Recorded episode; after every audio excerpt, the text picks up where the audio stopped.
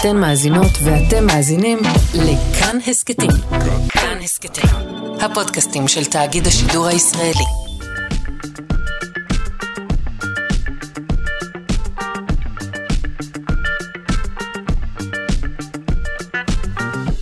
שלושה שיודעים. בוקר טוב לכם, מאזיני שלושה שיודעים, כאן בכאן תרבות. וואו, איזה בוקר פריבילגי מחכה לנו, שכן הבוקר נכיר את החולד העירום, ונדבר על האבולוציה של המוח. בשעה השנייה נשמע על הטלסקופ הישראלי הראשון, ועל רובוט שהתחבר עם דגים. העורכת שלנו היא אלכס לויקר, המפיקה תמר בנימין, אל הביצוע הטכני דימה קרנצוב, תודה גם ליובל פיגדור, אני שרון קנטור, ואנחנו מתחילים.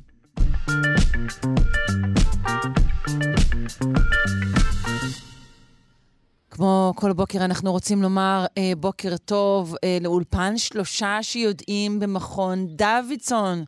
אה, זרוע החינוכית של מכון ויצמן למדע, שם יושבת, אה, כך אני מאמינה, אה, ורד שפירא, היי. בוקר טוב. העיקר האמונה. מה שלומך? מצוין. יופי, יופי. אה, האם הבאת לנו אה, כמנחה אה, חיה שאיש לא שמע עליה עד היום, אבל, אבל מרגע שישמע עליה לא יבין איך אה, חי בלעדיה? אז אנחנו כאן כדי להוכיח שהמציאות עולה על כל דמיון, או על כל מציאות, אם נרצה. אה, וכן, היום יש לנו את החולד העירום, שהוא אולי החיה הכי משונה שיש. אה, כאילו, כשאנחנו אומרים עירום, זה לא ששאר החיות אה, לובשות פראדה. בדיוק. מה הכוונה, מה שהוא לא מכוסה בפרווה? הוא לא מכוסה בפרווה, והוא... אוקיי. נתחיל מזה שמדובר במכרסם. מכרסם לא מאוד גדול, אה, שחי במזרח אפריקה, באזורים יבשים, באתיופיה, סומליה, קניה, והוא חי במושבות. והוא חי במושבות מתחת לאדמה. כלומר, הוא חי במחילות. המחילות האלה יכולות להיות אה, מאוד מאוד ארוכות, זה יכול להיות אה, אפילו כמה קילומטרים של מחילות, באמת? כן? והוא חי אה, בקבוצה כמו ש... המנהרות היו ידועות לשמצה. בדיוק, והוא חי בקבוצה שהיא יותר מזכירה מושבה של דבורים מאשר מושבה של יונקים. באיזה אופן? יש שם? מלכה, ורק המלכה הזו מסוגלת להתרבות. והמלכה הזו מעמידה צאצאים, וכל השאר הם אה, אה, פועלים ונתינים, וכאלה שמטפלים בצאצאים, ובתוך המחילות האלה יש חדר שהוא אה, חדר אוכל, ויש אה, חדר טיפול בצאצאים, ויש רגע, חדר פסולת. יש עוד יונקים שחיים לפי המודל הזה? אז זה היונק היחיד שאנחנו מכירים שפועל לפי המודל הכל כך לא סטנדרטי הזה. לא סטנדרטי בקרב יונקים, הוא כן סטנדרטי בקרב כן. יצורים אחרים, נכון. אבל זה נורא נורא משונה. עכשיו, הם צמחונים, הם אוכלים פקעות, רגע, מה הגודל של, שלו? הממוצע? זה גודל של משהו כמו 30, 30 סנטימטרים, איזה יצור אה, חולד, חולד. לא, הוא לא... 20, כן, אבל הוא 30, לא איזה פצפון או משהו. חולד. לא, לא פצפון בכלל. אוקיי. עכשיו, בגלל שהם חיים מתחת לאדמה, אז יש כאן כל מיני התאמות שמגיעות עם החיים מתחת לאדמה. קודם כל, אם אתה חי מתחת לאדמה ואתה לא רואה כלום, אז העיניים שלהם הן כבר לא פונקציונליות והן מנוונות, והוא כמעט לא רואה מתחת לאדמה. אה, בגלל שהוא חי באזורים חמים יחסית, ו- ו- ואין צורך, והוא מתחת לאדמה והוא מוגן, אז אין צורך בפרווה ולכן הוא עירום. עכשיו, בגלל שהוא מתחת לאדמה, גם אין צורך בפיגמנט שיגן עליו מפני קרינת השמש, ולכן הוא גם מאוד מאוד חיוור ולבנבן. מה שהופך אותו ליצור יצור לא זה. מאוד, לא מאוד, איך נאמר, בעדינות, אטרקטיבי. כן, תמונות קשות, כן. כן, עכשיו, עכשיו, בגלל שאתה חי מתחת לאדמה, אז גם אתה לא רוצה שכשאתה מכרסם את ה... וחופר את האדמה, ייכנס לך חול לתוך הפה. אז השיניים נמצאות מלפנים והשפתיים נמצאות מאחור, וכל הדבר הזה נותן לו לוק מאוד מאוד, איך נאמר, ייחודי. אנחנו לא ייחודי, רוצים ייחודי. לפגוע, זה לוק ייחודי. כן. ועכשיו, יש עוד בעיות, יש גם בעיות מאוד מאוד קשות עם לחיות מתחת לאדמה. אין חמצן, אתה חי במחילה ו- ודחוס שם, וריכוז החמצן יורד, אז הם יכולים להיות מאוד מאוד עמידים לחוסר בחמצן, ויש אפילו עדויות לכך שחולד עירום יכול לשרוד ללא חמצן גם 18 דקות. איך חוסר בחמצן אה, משפיע על, אה, על שאר האיברים וההתנהלות? על המוח? אז, אז אצלם זה לא כל כך משפיע, כי ה, ה, כל ההתנהלות שלהם, אם אנחנו יצורים אה, הומאותרמיים, ואנחנו צריכים ככה כל הזמן לאכול ולחמם את הגוף שלנו ולשמור על טרמורגולציה, וזה דורש המון המון אנרגיה, אז חולד עירום סיגל או עבר איזושהי התאמה ל... ל אה, הוא מצליח לעשות את זה קצת כמו זוחל. כלומר, אפשר להגיד אפילו שיש לו מה שנקרא דם קר, כי הטמפרטורה של הגוף שלו היא נשלטת על ידי הסביבה. וכשהטמפרטורה הזאת אה, אה, יורדת מאוד, ו- ו- והוא צריך להתחמם, אז הוא לא יעשה את זה באמצעים שאנחנו מכירים של להפעיל כל מיני מערכות בגוף ולחמם את עצמו, אלא הוא עושה את זה באמצעים שהם התנהגותיים. הם מתקבצים יחד, הם מתגודדים, הם הולכים לאזורים יותר חמים בתוך המחילות, ולמעשה הם מפצים על הצורך הזה באנרגיה על ידי ההתנהגות שלהם. והמבנה החברתי הזה שלהם, של מלכה אחת, שהיא זאת שמתרבה, יש גם שלוש, בין אחד לשלושה מלכים שהם הזכרים שמאפשרים לה להתרבות, והיא יכולה לחיות גם 30 שנה. כלומר, זה יצור שחי הרבה מאוד זמן, בצורה מאוד מאוד ייחודית. רק הנקבה... ואין אין שום חוק שחוקקו, שנגיד מקצר לה את הקדנציה או משהו? לא, זה פשוט ככה? אז החוק היחיד שמקצר לה את הקדנציה זה שהיא אה, לא שורדת יותר. או שנקבות אחרות מחליטות אה, לקחת את השלטון, ואז יש מלחמות ירושה אה. על השלטון. וכשהשלטון הזה מתחלף, הנקבות האלה, שעד עכשיו היו עקרות לחלוטין, הן אלה שהופכות, הנקבה הזאת הופכת להיות פוריה. די, לא כן. ייתכן. ייתכן, כי, כי זה, זה לא ש, ש, הן לא יכלו להעמיד צאצאים, ועכשיו פתאום ברגע שניתן להם שרביט המלוכה, אז זה ניתן, זה, זה משהו זה הורמונלי כמובן, זה לא איזשהו קסם. זה, זה לא אמונה נקבה... עזה בעניין הזה, אוקיי. לא, זה פשוט עניין הורמונלי, שברגע שהנקבה הזאת הופכת להיות חזקה יותר, השינוי ההורמונלי גורם לזה שהיא תצליח להעמיד צאצאים, והרבה צאצאים, כי הם ממליטים פעם, אה, חמש, משהו כמו חמש פעמים בשנה, כל פעם כתריסר צאצאים. אם היא חיה במשך כ-30 שנה, זה יכול להיות הרבה מאוד חולדים מרומים, שהנתינים והנתינות מטפלים בהם במושבה הזאת, בסופר אורגניזם הזה, שנקרא המושבה של החולד העירום. רגע, זה, זה, זה התרבות משוגעת, אז למעשה יש כן. אולי מדינות שכל האדמה שלהן מלאה בחולד עירום מתחת לאדמה, זה טירוף. אז לא, אבל הם בהחלט יכולים להגיע לגודל מושבה שהוא מאוד מאוד גדול, של כמה מאות פרטים אפילו. זה יכול להיות משהו כמו מושבה קטנה של 20 פרטים, עד לממש מושבה של כמה מאות פרטים.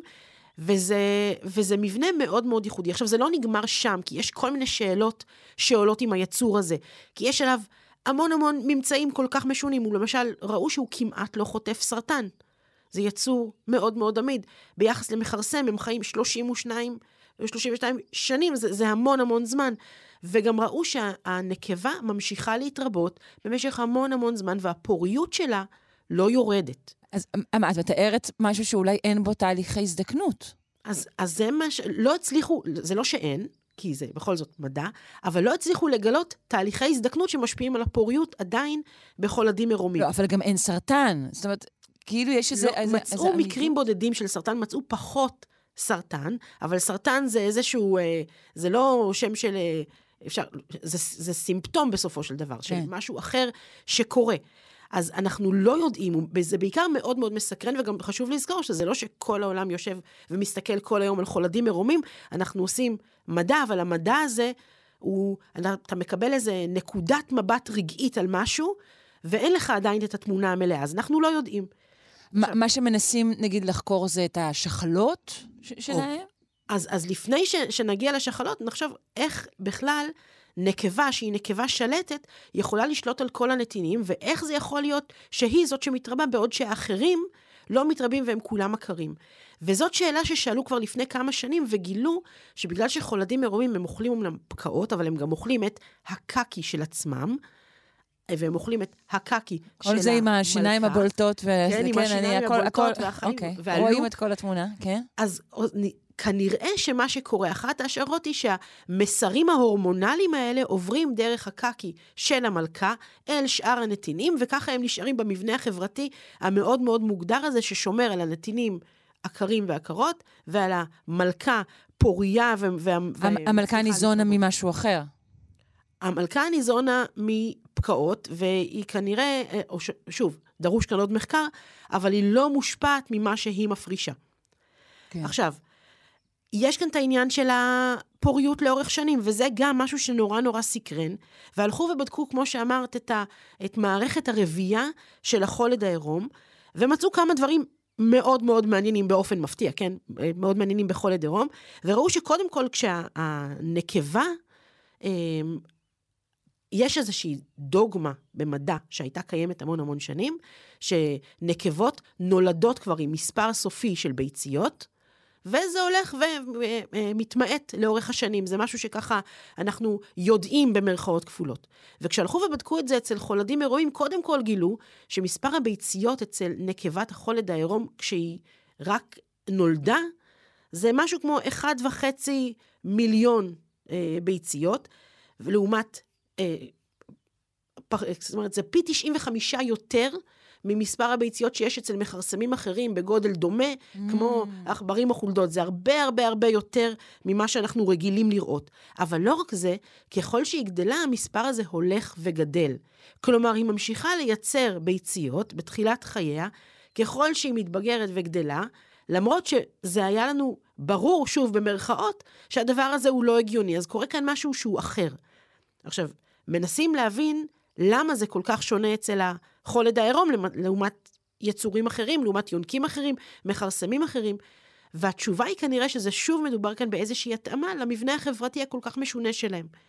כי אם המלכה מתה כשהנקבות האחרות הן כבר די בוגרות, ומתחילות מלחמות ירושה, אז המלכה החדשה שתעלה לשלטון והיא כבר בת עשר, ממש ככה מבוגרת, עדיין תהיה לה אפשרות להעמיד צאצאים בצורה מספיקה לעומת המלכה הקודמת, ועדיין להיות מאוד מאוד פוריה כדי לשמור על המבנה החברתי הכל כך אה, ייחודי שלהם.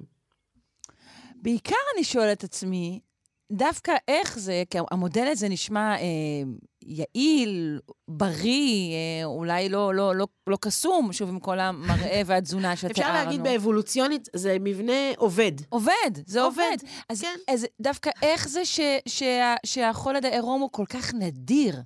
זה מה שמעניין. אז הוא לא כזה נדיר, הוא חי באזורים שהוא מותאם. לא, אני מתכוונת שהוא נדיר כמין, עם, ש, שאין לנו עוד מינים ש, ש, שמתנהגים ככה. אז שוב זה העניין של מה שעובד. מה שעובד ומה שנותן את היתרון האבולוציוני לדו, למצב הספציפי הזה, והמצב שלו הוא די ייחודי. כלומר, אין לנו הרבה אה, אה, יצורים שחיים בצורה הזאת, יונקים שחיים במבנה חברתי של סופר אורגניזם, שיש רק נקבה אחת שהיא מתרבה, שיש לנו כאן איזושהי מושבה שחיה בתנאים, באמת לא תנאים מתחת לאדמה, ולמעשה זה משהו שעובד כאן. אה, באבולוציה אנחנו הרי תמיד אומרים שזה לא, אנחנו לא הולכים אל הכי טוב. אנחנו הולכים אל המספיק טוב, ואם זה מספיק טוב, זה הכי טוב. המאפשר. והדבר הזה כן. עובד להם, ומאפשר להם להתקיים בתנאים הספציפיים שלהם, בצורה הזאת שהם חיים בה, וכרגע זה עובד. למה אין יצורים אחרים שעושים את זה, אנחנו לא יודעים, אבל כמובן מה שמסקרן זה לחשוב איך אפשר, למה, יותר נכון, למה מבחינה מולקולרית הדבר הזה עובד אצל החולדים העירומים, ולמה אצלנו, למשל, זה לא. ואולי אם אנחנו נלמד למה ברמה המולקולרית זה עובד אצלם, אפשר יהיה לנסות להשליך אולי לבריאות של יצורים אחרים, בלי להזכיר שמות, או. כן. לאיך אפשר אה, אה, לתקן דברים אחרים אצל יצורים אחרים, בלי להזכיר שמות. כי לשחלות יש תפקיד לא רק, זה לא רק איזושהי מכונת רבייה, זה עושה עוד דברים. זה שולט בבריאות כללית של הגוף. וגם העניין הזה של הזדקנות יכול להיות מאוד מאוד מסקרן, ויש מה ללמוד מהחולד העירום. בהחלט. אה, שוב, אני לא יודעת אם אפשר להשליך אה, אה, דברים, אתה יודע, ממנו לבני אדם, כי באמת כל המערך שתיארת הוא כל כך ספציפי. נכון, אבל בסופו של דבר, ברמה המולקולרית, אנחנו מאוד מאוד מאוד דומים, הרבה יותר ממה שהיינו רוצים לחשוב שאנחנו דומים לחולד עירום. בסדר גמור. אה, אנחנו נישאר עם אה, תמונותיו אה, בראשנו, ונודה לך בשלב זה, ורד שפירא, ביולוגית למכון דוידסון, הזרוע החינוכית של מכון ויצמן למדע. תודה על שהבאת לנו את היצור הפלאי הזה. יום טוב.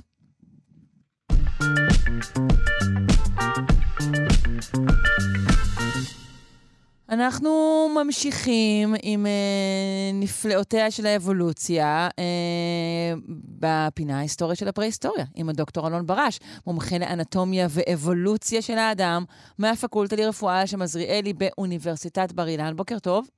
בוקר טוב, בוקר טוב. מה שלומך?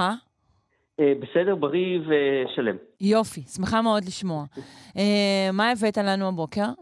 אז היום אה, באמת אנחנו עוד טיפונת ממשיכים עם האבולוציה ו- ו- ו- ומדברים בעצם על... נכון, אנחנו, אנחנו אתה- עדיין, עדיין חוגגים לדרווין.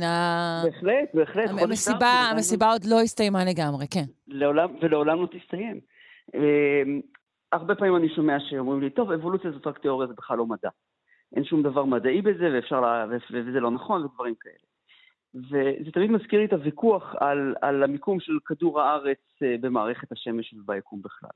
הרי באמת, כל מי שקם בבוקר ומסתכל החוצה ורואה את השמש עולה ורואה בערב את השמש שוקעת, מבין שכדור הארץ במרכז והשמש סובבת את כדור הארץ. זה ברור לגמרי. כן, זה- זה א'. ב', זה ברור. זה א' ב'. פרט שולי זה שמתחילים להסתכל על הכוכבים ועל התנועה של בעיקר כוכבי הלכת, רואים שזה לא מסתדר, זה לא יכול להיות, התנועה שלהם doesn't make sense, זה לא הגיוני. ובאמת, במאה ה-16, ה-17, קצת לפני, אה, פיתחו תיאוריות ששמו בעצם את השמש במרכז, ואז זה מסביר את התנועה של כמעט כל גרמי השמיים. אה, וזה היה, זה, זה פתרון. אה, זאת אומרת, הם, הם בנו איזושהי תיאוריה שאומרת, כדור הארץ לא נמצא במרכז, ואם אנחנו צודקים והשמש נמצאת במרכז, אז הכוכבים צריכים להסתובב בצורה מסוימת, וזה באמת מה שקורה.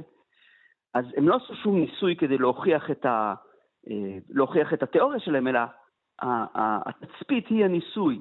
מה שהם ראו זה הניסוי, ואותו דבר בדיוק קורה באבולוציה, וספציפית באבולוציה של האדם. אנחנו יכולים לחשוב על הרבה מאוד דברים, להעלות להשערות תיאוריות למעשה. כמו למשל, שאנחנו נעמדנו על שתי רגליים כדי שנוכל לעשות דברים עם הידיים שלנו, כדי שנוכל להשתמש במוח הגדול שלנו. זה נשמע סביר, ככה חשבו כולל דרווין. זאת אומרת, אה, בספר שלו על מוצא האדם הוא מדבר בעיקר על המוח, הוא כמעט לא מדבר על תנועה. אה, ובאמת, הזדקפנו כדי להשתמש בראש שלנו, כדי להשתמש במוח, כדי לסחור דברים, כדי לעשות כלים, וזאת באמת תיאוריה מצוינת ונחמדה. מה מה זאת אומרת הזדקפנו כדי להשתמש במוח? אה, כי אם היה לנו ידיים והיה לנו מוח גדול, אם אנחנו הולכים על ארבע, אנחנו לא יכולים להשתמש בידיים. או פחות Mm. להשתמש בידיים. אוקיי. ברגע שאנחנו עומדים על שתי רגליים, אז הידיים משתחררות לעשות דברים. וזה היה הרעיון, זאת הייתה המחשבה ב- ב- באמת ב- בסוף המאה ה-19, תחילת המאה ה-20, עם העלייה באמת ש- של המחקרים האלה באבולוציה של האדם. אבל זה לא נכון, וזה הניסוי שלנו. אנחנו מוצאים מאובנים, והמאובנים הם הסיפור האמיתי, הם התצפיות שלנו. והמאובנים האלה מספרים לנו סיפור. אמ, הסיפור יכול להשתנות דרך אגב, אבל הסיפור הוא אחר לחלוטין. אנחנו רואים, ב- ב- ב- היום זה, זה ודאי כמעט לחלוטין, כן? זאת אומרת, אנחנו רואים במאובנים הראשונים, פשוט מדובר בקופים שהלכו על שתי רגליים. אין שום דבר מיוחד במוח שלהם, מוח של, של אותם אוסטרלופיטקים, אותם יצורים שאנחנו מכירים כאב הקדום, או כפיצול הראשון בינינו לבין הקופים, בינינו לבין השימפנזים. אה, הם פשוט קופים שהלכו על שתי רגליים, אותו נפח מוח, אותו צורת מוח. אה, אין בהם שום דבר מיוחד. אנחנו אפילו לא, לא, לא חושבים שהם עשו כלים, או לפחות לא כלים שהשתמרו, אנחנו לא מכירים את זה. אה, וזה קרה לפ- לפני בערך שישה מיליון שנים. הפיצול הזה בינינו לבין הקופים. וכל מה שאנחנו מוצאים מאותה נקודה ועד בערך לפני שניים, שניים וחצי מיליון שנים, זה קופים שהולכים על שתי רגליים. ולכן נאלצנו לשנות את התיאוריה שלנו. במקום הזדקפנו כדי להשתמש במוח, הזדקפנו מסיבות אחרות, למשל, אה, כדי לראות רחוק יותר. אה, למשל, כדי אה, לשמור על חום הגוף שלנו בצורה טובה יותר, כי כשאנחנו עומדים על שתי רגליים, אז, אז השמש לא פוגעת בכל הגוף שלנו, אלא רק בראש. אולי בגלל זה יש לנו שיער על הראש ופחות על הגוף. אה, והמוח הופיע בכלל, העלייה בנפח המוח מתחילה להופיע לפני שניים וחצי מיליון שנים, ואז באמת אנחנו מתחילים לראות ייצור של, של כלים. זאת אומרת, אנחנו משערים השערות, אנחנו אה, אה, בונים תיאוריות, והמאובנים הם אלה שיספרו לנו את הסיפור. הם החיזוק או ההפרחה של התיאוריות שלנו. זאת אומרת, גם, יש כמובן סיכוי מסוים שיימצא איזשהו מאובן שיעיד על מהלך שעוד לא דמיינו אותו, איזשהו משהו שיראה לנו עכשיו כמו החלאה, כמו איזשהו מצב ביניים שלא ידענו עליו, נכון? לחלוטין, זאת אומרת, אם ניקח את זה למקום קיצוני, מחר אם אני נמצא מאובן של אדם יחד עם דינוזאור, נצטרך לתקן את כל התיאוריות שלנו. אה, משולב? אדם, אדם זר הוא כזה? בדיוק למשל, או אחד לצד השני. אה, אה, כשאנחנו יודעים שהם אף פעם לא נפגשו, או אנחנו... זאת התיאוריה, כן? Mhm. אה, ואז באמת התיקון יצטרך לה- להביא תיאוריה חדשה, אני צריך להמציא, לחשוב על תיאוריה חדשה, שתסביר את התופעה שאנחנו רואים. בינתיים זה לא קרה, 150 שנים שאנחנו מחפשים מאובנים זה, זה, זה, זה לא קרה כמובן, אה, אבל זה היופי בכלל בתיאוריה מדעית ו, ובתחום אה, כמובן שלי ספציפית של אבולוציה של האדם, שאתה חייב להתאים את עצמך למה שאתה מוצא בשטח. ואנחנו עושים tweaking, אנחנו משנים מדי פעם את התפיסה שלנו לאיך התקדמה האבולוציה ומה קרה שם. אה, ככל שעובר הזמן אנחנו יותר מדויקים במה שאנחנו אומרים, ואנחנו לא יודעים הכל, ממש לא. יש לנו חוסרים ו- ודברים שאנחנו לא יודעים בשלבים מסוימים של האבולוציה, איך ומה זה קרה. מה הביא למשל לעלייה בנפח המוח? אין לנו מושג. אז אם אה, נחזור למה שאמרת ברשת השיחה, שבאים ואומרים, אה, אבולוציה, אבולוציה זה רק תיאוריה. אז אתה אומר, כן. בוודאי, הכל תיאוריה, כל המדע מבוסס על תיאוריה. זה היופי במדע. אפשר, אה, אה, אפשר אה, לשער מה שרוצים, ואז עושים ניסויים או עושים תצפיות שמחזקות או מפריכות אה, את התיאוריה שלנו. דרך אגב, מספיק הפרחה אחת, מספיק דבר אחד שלא מתאים, ואנחנו צריכים לתקן את התיאוריה. וכל אה, ממצא או כל ניסוי אחר רק מחזק את מה שאנחנו חושבים, אה, אה, אבל הוא לא יכול להוכיח את זה במאה אחוז. זאת אומרת, באופן תיאורטי, יכול להיות שמחר... אה, לא במאה אחוז ולא, ולא לנצח. ולא לנצח. מחר אולי אה, נחשוב על אה, מבנה אחר ל-DNA שיתאים יותר את התצפיות שלנו. לא סביר שזה יקרה, אבל זה יכול להיות. בסדר, זה. נעים דווקא לחיות לגמרי, כן, זה היופי. כן, זה היופי. של... כן, לגמרי. לא צריכים את הכל כל כך. מוחלט ונצחי, זה בסדר גמור. וגם אה, זה מה שנותן, אה, שם, שם, כמו שאומרים, לחם על השולחן שלי. אם היינו יודעים הכל, אז לא היה לי מה לחקור. אני שמחה מאוד אה, עבורך ועבור, אה, ועבור בני המשפחה. אה, דוקטור אלון ברש, מומחה לאנטומיה ואבולוציה של האדם מהפקולטה לרפואה על שם עזריאלי באוניברסיטת בר אילן. תודה רבה, שבוע טוב. תודה, תודה, שבוע טוב.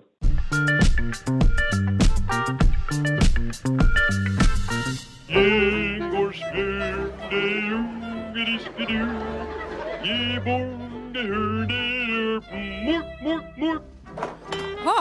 תולדות התזונה האנושית, עם הדוקטור אורי מאיר צ'יזיק, מומחה להיסטוריה של התזונה והרפואה, אה, פינה עדיין אה, אה, טרייה, חדשה. מה נשמע?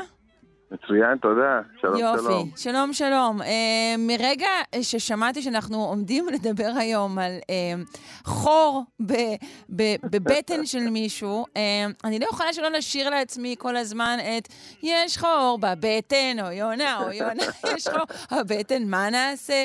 אז נחקור אותו, יוסף, או יוסף. בדיוק, נכון? זה מה שנעשה.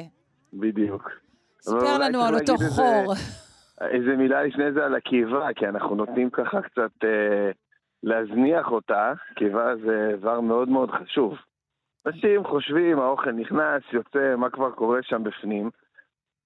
אבל הקיבה היא מדהימה, זה בעצם שק אה, שרירי שנמצא בתחילת מערכת העיכול שלנו, וכשהוא מת- מכווץ הוא בערך בגודל של אגרוף, אבל כשהוא פתוח הוא משהו כמו ליטר וחצי, והתפקיד שלו זה לעשות את הפירוק הראשוני, או השניוני, כי בפה רגע, אנחנו מכווץ ופתוח זה בהתאם לאם יש בו מזון או אין בו? בדיוק, אוקיי. בדיוק. ו, ובעצם זה הפירוק השניוני, כי את הפירוק הראשוני אנחנו עושים בלעיסה בפה של האוכל שלנו, והוא מאוד מאוד מאוד מאוד חשוב. ואת הפירוק הזה הקיבה עושה בשתי דרכים, או על, גם על ידי אה, פירוק מכני, זאת אומרת יש שם שרירים שממש עובדים כמו משאית בטון ומפרקים את המזון, וגם אה, חומצות שהקיבה מפרישה כדי לפרק את אותו אוכל שאנחנו אוכלים. אוקיי, אז פירוק מכני ו- ופירוק אה, כימי.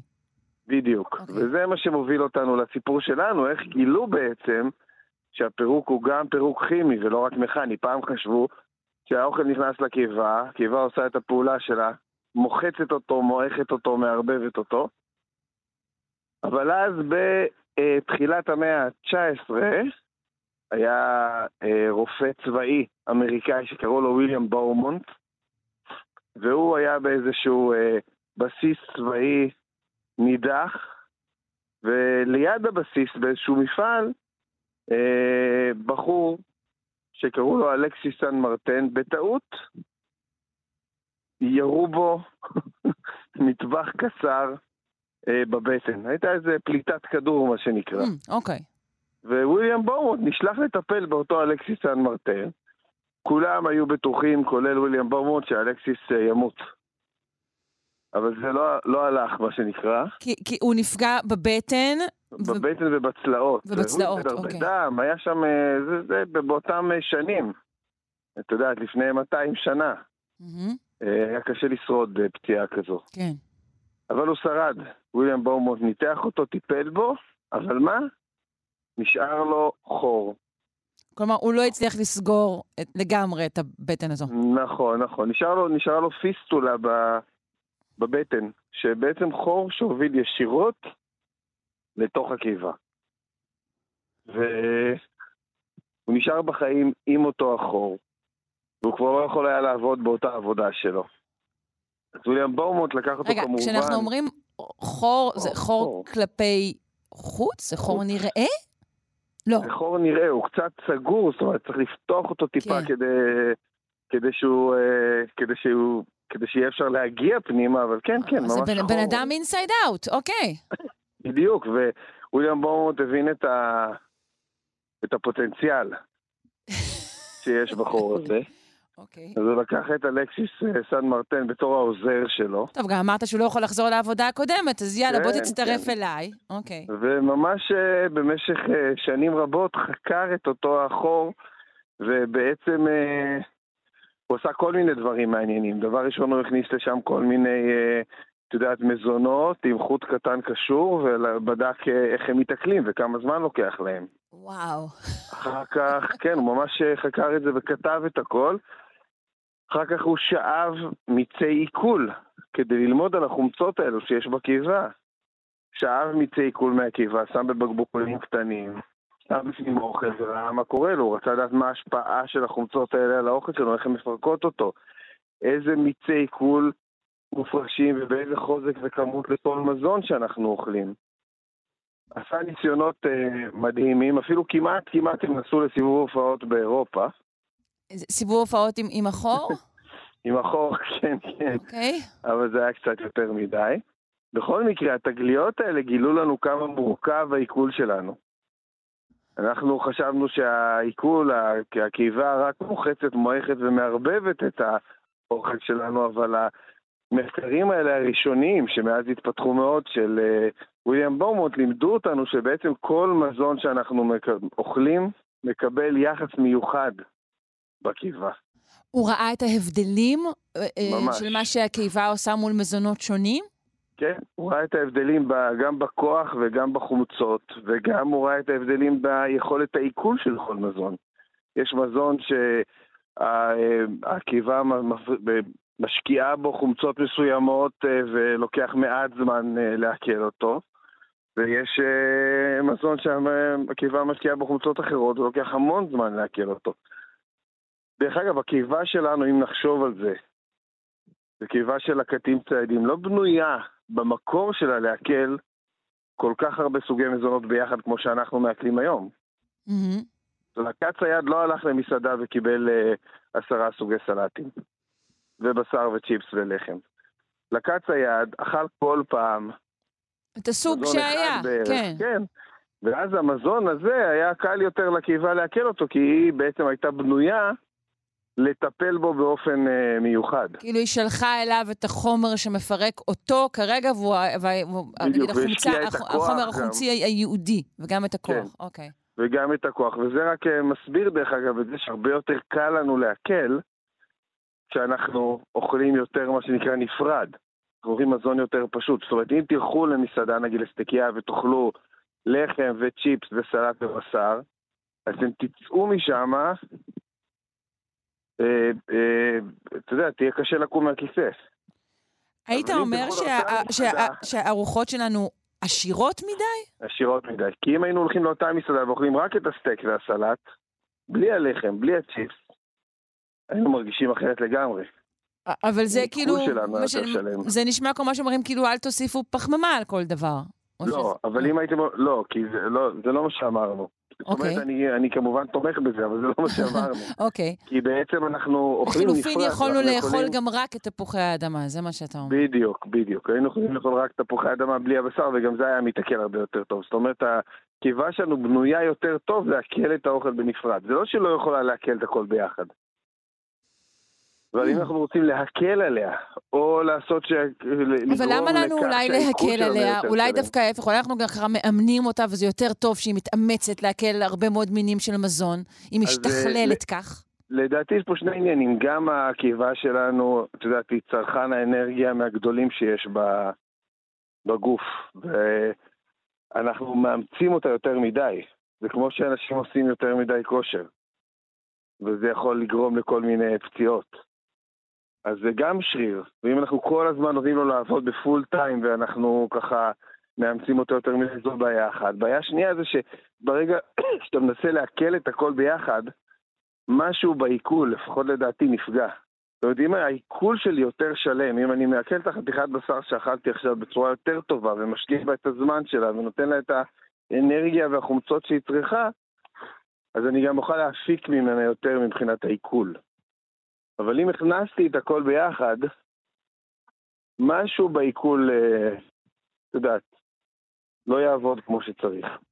Hmm, אני לא אעכל עד הסוף את זה, ואני לא אעכל עד הסוף את ההוא, וככה העיכול יותר שלם. דרך אגב, אחד הדיאטות הכי מקובלות היום אצל אנשים חולים הרבה פעמים, זה מה שנקרא דיאטת מונו, שאתה, כדי להקל על הגוף שלך ולגרום לעיכול יותר טוב, אתה כל פעם אוכל מזון אחד. זה קצת קשה, כי אנחנו מבחינה חברתית רגילים לאכול, או גם פסיכולוגית. אה, לא, זה זה גם כן. דבר שאומרים, דווקא תאכלו ארוחות שיש בהן את כל המרכיבים, זה- לא יודעת. כן, אז, אה, אז עקרונית אנחנו צריכים להיות... אה, אנחנו צריכים ימים שיש בהם את כל המרכיבים, ולא ארוחות. אבל אם היינו אוכלים בנפרד, העיכול שלנו היה יותר שלם. כמובן שזה לא ישים בעולם המודרני שלנו, אבל זה חומר למחשבה, כי אנשים יכולים לעשות כל מיני צעדים שמפשטים את המזון שלהם. שברת את כל נושא התוספות. לא יודעת מה להגיד לך על זה. אמ, בוא נחזור רגע לדוקטור בומו ולאלכסיס סן מרטן. כן. כמה זמן הוא חי עם החור הזה הוא בקיבה? חי, הוא חי כמה עשרות שנים. עוד כמה עשרות להם, אה, שנים. כן, וואו, כן, כן.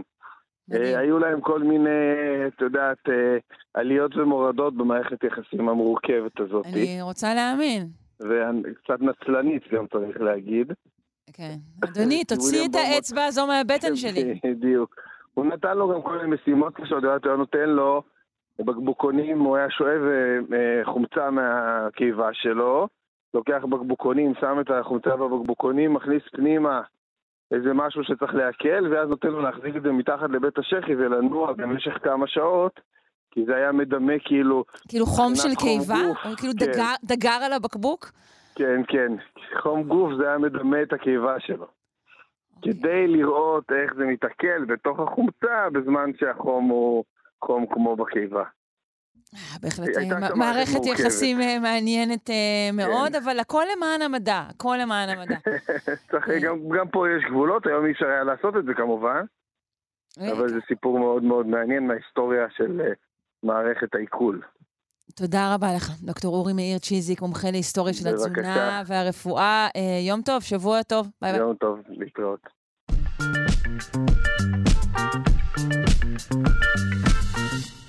שעתנו הראשונה אה, צועדת אל אה, סיומה הקרב, אה, ולפיכך אנחנו עם פרופסור משה זורמן, מלחין, מנצח ומייסד הקתדרה למוסיקה, בשיתוף הדוקטור אסטרית בלצן. בוקר טוב.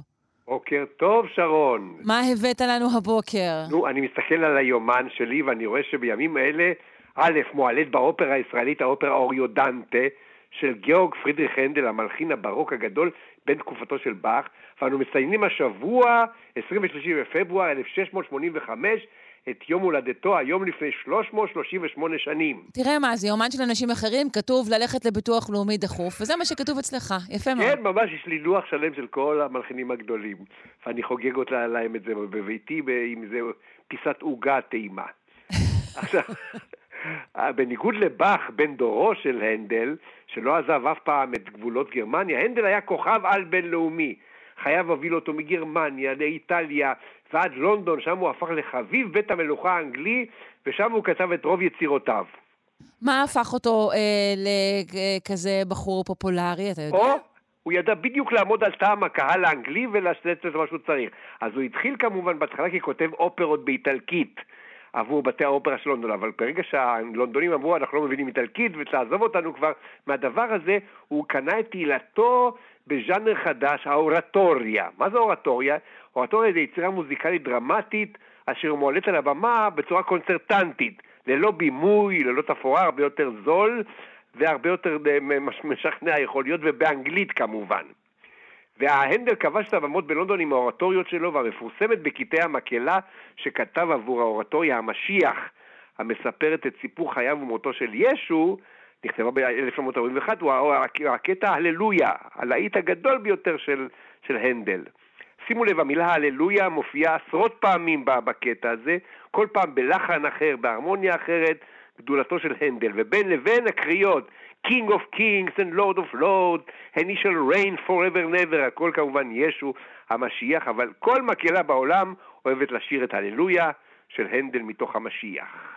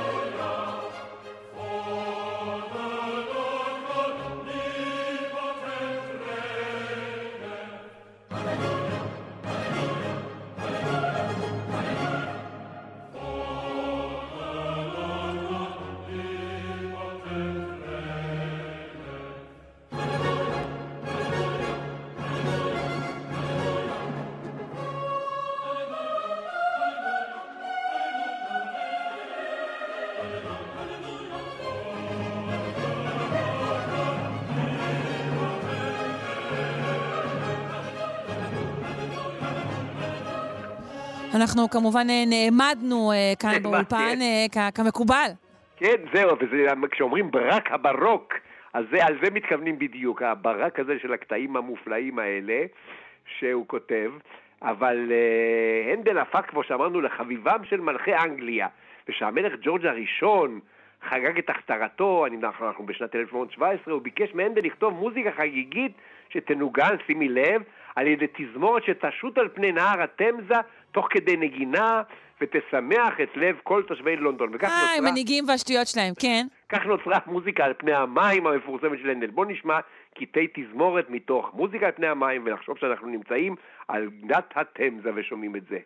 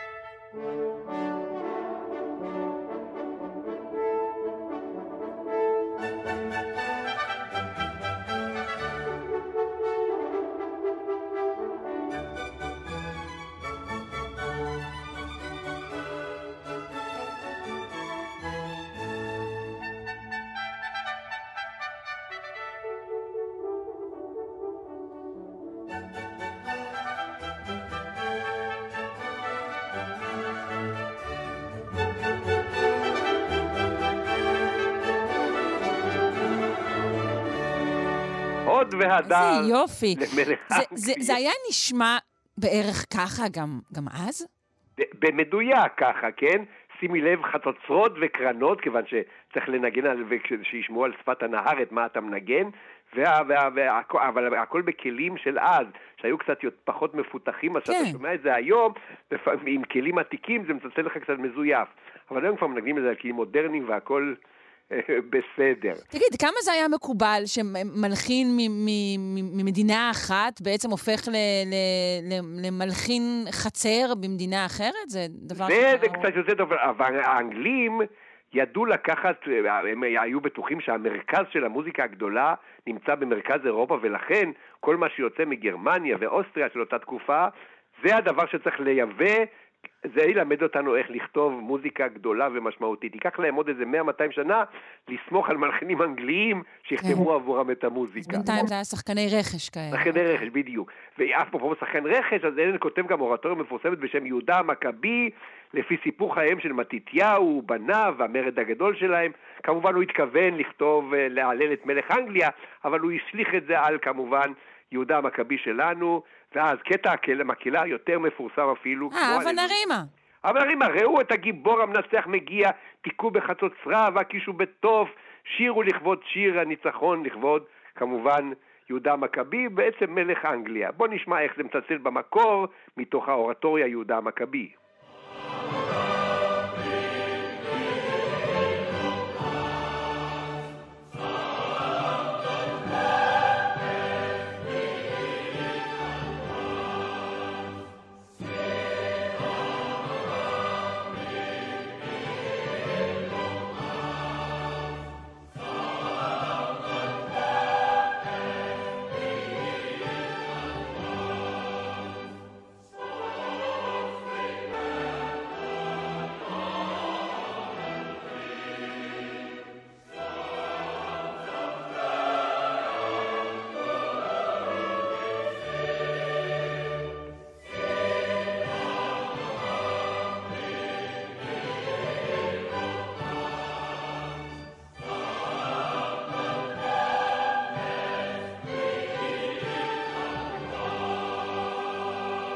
שיו, איזה יצרן להיטים, נכון. ההנדל הזה, וואו. לכן האנגלים מייבאים אותו מגרמניה. ובארץ כמובן, לוין קיפניס, גדול כותבי שירי הילדים, מאמץ את הנחת של הנדל, מוסיף טקסט משלו לכבוד חג החנוכה, לחדוות ליבם של כל הגננות וילדי הגן, באותה תקופה היו הרבה פחות מלחינים, אז הוא אמר, וואלה, בואי ננסה לאיזה שלאגר שמגיע מהגולה, וכותב לנו את אב הנערים, הנס והאבוקה, יחד בוא נשיר, השיר החנוכה, וכל ילדי ישראל שרים את הנדל בלי לדעת שזה הנדל כמובן. נשמע טיפה מהגרסה של לוין קיפניס.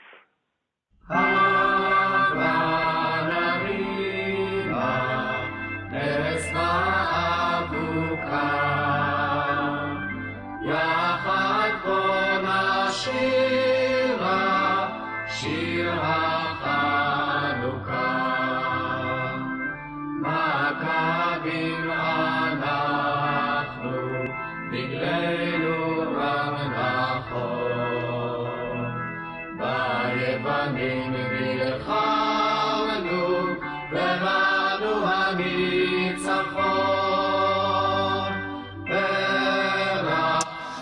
אם זה כאילו עם פרספקטיבה של עכשיו, אבל אני כן יכולה לשמוע את ה... יש משהו מופרך באמת ב, ב, בשירה העברית והטקסט הניצחוני הזה, יחד עם הלחן שהוא כל כך נוצרי במובהק, נגיד, נקרא לזה. אבל זה, לא היה כל כך הרבה ב, ב, ב, אה, ברירה ללוין קיפניס. הוא היה צריך לספק כל הזמן חומרים לגני הילדים, והגנות עמדו לו על הראש, וזה הדבר הכי מיידי שהיה. שהיה יכול לעשות. ושמי, זה היה מאוד חגיגי כשאני ניגנתי על אקורדיון בבית הספר בכיתה א'-ב' את השיר הזה וכל הילדים בבית הספר שרו, זה היה מאוד חגיגי, תאמינו לי. זה נשמע לי מאוד חגיגי. אז מאוד, מאוד חגיגי, זהו. אבל בואו נחזור להנדל, כותב האופרות. אפרופו האופרה שעכשיו מועלית באופרה הישראלית. באותה תקופה היה עדיין מקובל השימוש בזמרים סריסים לא עלינו. זמרים מבוגרים שסורסו בילדותם וקולם המשיך להיות גבוה. מה זה, זה לא לפני כל כך הרבה זמן, מה סריסים? לא, לא, לא, לא, לא, בתקופה של הנדל היה מאות אה, ילדים אה, בחסות הכנסייה סורסו כדי שיוכלו לשיר את כל טקסי הדת הכנסייתיים ובבתי האופרה כמובן, זה לקח לנו איזה מאה שנה או משהו כזה, עד אמצע המאה ה-19 להיפטר מהמנהג הזה. יודעים שאנשים מקטרים על ההווה, בסדר, אוקיי. כן. ואז המפורסם בזמרים הסריסים, את זוכרת, היה סרט בשם פארינלי, כן. שהיה גם גיבור, אה, אחד מזמרי הזמרים הסריסים הכי מפורסמים, וחי ביחד ופעל ביחד עם הנדל. אז לכבוד האריות ההנדליות הגדולות שנכתבו לקולות האלה, היום כמובן איך הם שרים אותם? שרים על ידי גברים בקול המכונה קונטרה אלט, שזה היום מאוד מקובל, קונט, אה, סליחה, קונטרה טנור. Mm-hmm. זה היום הרבה זמרים מפתחים את הטכנולוגיה הזאת של השיר בגובה ולשיר את האופרות, את האריות של... כאילו של- לא- לא צריך כבר יותר להיות סריס, פשוט יש לא, דרך צריך להיות אחרת, לא חייבים. אתה יכול לפתח טכניקה מאוד מאוד טובה של להיקרא קונטרטנור. פה נשמע לכבוד הזמרים הקונטרטנורים הגדולים את האריה Ombra mai fu מתוך האופרה אחשוורוש, תאמיני או לא. מעולם לא היה צל של עץ יותר יפה ומתוק מהצל שלך. שיר אהבה לעץ נוי פלי. שר זמר הקונטרטנור המפורסם אנדרס שול. גם זה הנדל.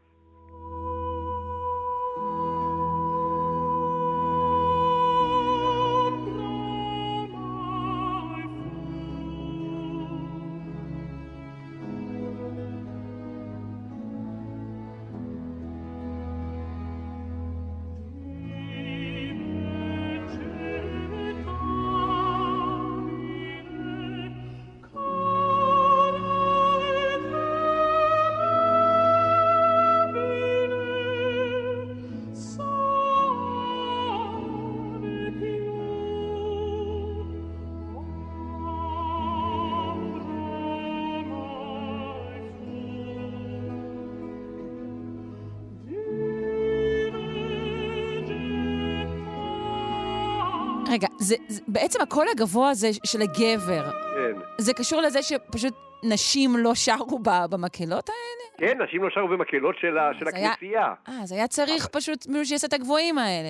וזה, בדיוק. וזה משהו שזה מק- זה מקביל למה שאנחנו קוראים פלצט או לא בדיוק? כן, כן, זה אה, סוג של פלסט שמפתחים אותו, אבל לקול מאוד מש... מרשים ומשמעותי, והיום בעידן הזה שהברוק חוזר לתהילתו ועולה על כל הבמות, יש המון זמרים שמפתחים את הטכניקה הזאת, ושרים באמת גברים ששרים בקול גבוה. הם מדברים בקול גברי לגמרי, אבל שרים בגבהים שאנחנו אני, שומעים. אני, אני רוצה שאנחנו נעשה פינה על הקול הגברי, כי אני קצת חוששת לו, אה, לפחות מהאזנה לפופ אה, בין כן. ימינו. אני שומעת פחות ופחות מה שפעם שמענו קול גברי עמוק, אבל זה באמת צודקת. אחרת. כולם טנורים כאלה. כולם ביניהם. טנורים, מה נסגר? כן, אוי, אני שמח. בואו נעשה באמת תוכנית על יופי, העניין הזה. מעולה. אז לסיום, בואו נראה איך ההללויה שאיתו התחלנו את המסע חוזרת, והיא כל כך פופולרית שהיום אפילו על רחבת הריקודים בדיסקוטקים שרים את הללויה, אבל הפעם בגרסה אלקטרונית, ועם זה נוכל להגיד יום הולדת שמח לגיאורג פרידריך הנדל. יואו, יום הולדת שמח. הנדל, היית, היית בחור מוכשר. אה, נודה לך, פרופסור משה זורמן, מלחין. מנצח ומייסד הקטעת המוזיקה, בשיתוף הדוקטור אסטרית בלצן. הללויה הרמיקס.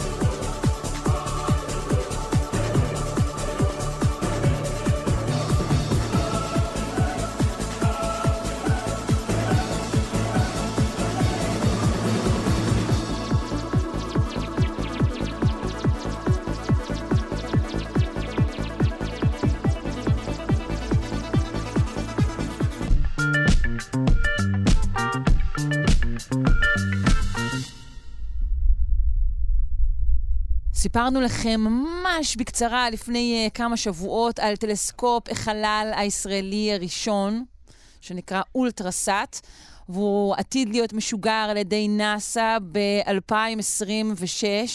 שזה עוד רגע ממש, תמצמצו וזה מגיע.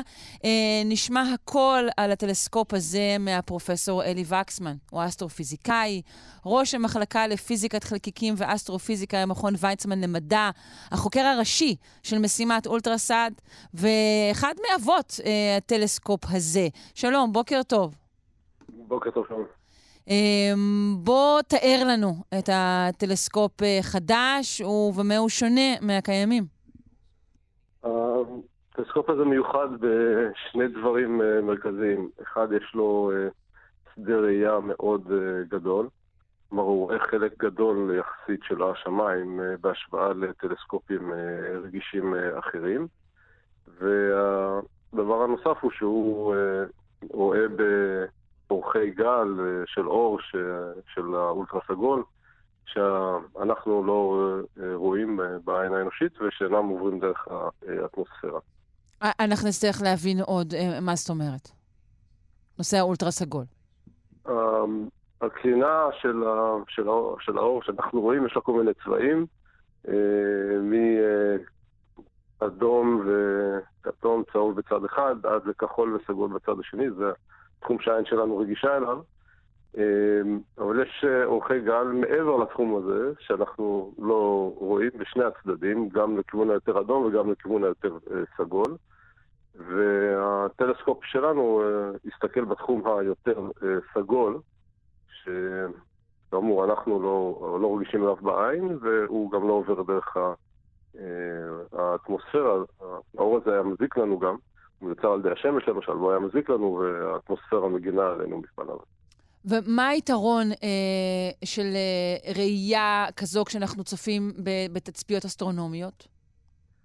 אמ, השאלות שאנחנו שואלים, העצמים האסטרונומיים שאנחנו אה, רוצים להסתכל עליהם, הם אה, פיצוצים מסוגים שונים, כמו פיצוץ של כוכב או התנגשויות של כוכבים, והאירועים האלה משחררים הרבה מאוד אנרגיה והם מאוד מאוד חמים. וכשגוף הוא מאוד אה, חם, הוא פולט אה, קרינה בתחום, באורך גל, שהוא יותר קצר, יותר כחול, יותר אה, סגול. לכן ה- העצבים שאנחנו מעוניינים בהם הם, הם בהירים בתחום הזה של האולטרה הסגול, וכשאנחנו מסתכלים עליהם בתחום הזה יש לנו יתרון במדידה של העצמים המתפוצצים האלה. יתרון נוסף הוא שהרקע של השמיים הוא יותר נמוך בתחום הזה של האולטרה הסגול. אה, באור הנראה יש רקע חזק אה, מאוד נניח מהשמש או מגופים אחרים, באולטרה סגול הרקע יותר חלש. אז השילוב של שני הדברים האלה מאפשר לנו לראות יותר טוב אה, עצמים מתפוצצים שמשכים הרבה אנרגיה בזמן קצר. אוקיי. מה, מה תהיה המשימה המרכזית אה, של אולטרסאט? באופן כללי אולטרסאט אה, מגלה אירועים שנמשכים זמן קצר ונעלמים. קשה ללמוד בצורה שיטתית אה, אירועים כאלה אה, עם טלסקופ עם שדה ראייה קטן. השדה הראייה של אולטרסאט שהוא פי אלף מה- מהגודל של הירח המלא, מאוד מאוד גדול בהשוואה ל... וואו. כן, מאוד גדול. אה, בהשוואה לטלסקופים אחרים שהם אה, אחוזים או פחות מזה מגודל הירח המלא. וזה מאפשר לו... זה יותר גדול, נגיד, מג'יימס ווב שאנחנו סוגדים לו כאן? כן, לג'יימס ווב יש שדה ראייה מאוד אה, קטן, הוא מיועד למטרות אחרות. הוא, אוקיי. הוא, מס, הוא מסתכל בתחום האינפרה-אדום, בצד השני של האור הנראה, אנחנו מסתכלים מהצד הכחול, הוא מסתכל מהצד האדום.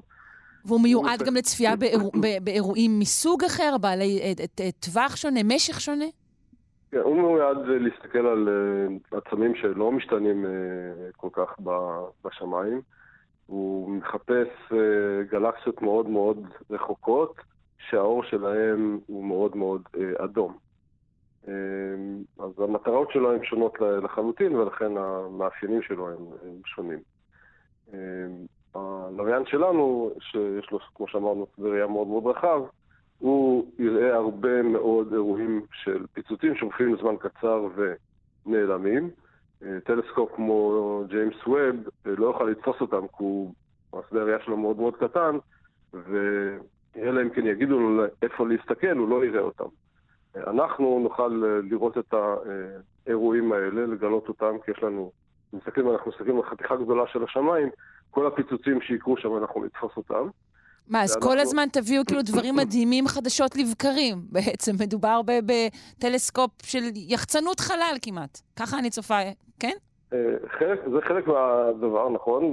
אנחנו, כשאנחנו נגלה אה, אירוע כזה של אה, פיצוץ, אנחנו נדווח עליו לכל הקהילה, וכל הטלסקופים האחרים שיש להם שדות ראייה קטנים יוכלו ללכת ולהסתכל ולעקוב אחרי האירועים האלה, כולל ג'יימס ווב למשל, שיוכל אה, להסתובב ולהסתכל על הפיצוץ שאנחנו גילינו, אם הוא באמת אה, מאוד אה, מעניין, ואני חושב שהוא... יש לנו כמה אה, סוגים של פיצוצים שיהיו מאוד מאוד אה, אה, מעניינים להסתכל עליהם. איפה הוא יוצב? אה, הטלסקופ אה, יהיה במסלול גיאוסטציונרי, כלומר בגובה של 36 אלף קילומטר מעל אה, כדור הארץ, שבו קצב הסיבוב של הלוויינים הוא אה, זהה לקצב הסיבוב של כדור הארץ, כך שהם למעשה עומדים מעל נקוד, אותה נקודה של כדור הארץ אה, כל הזמן. זאת, זה המקום שבו מציבים לווייני תקשורת, שצריכים לדבר כל הזמן עם אנטנות קרקעיות במקום מסוים.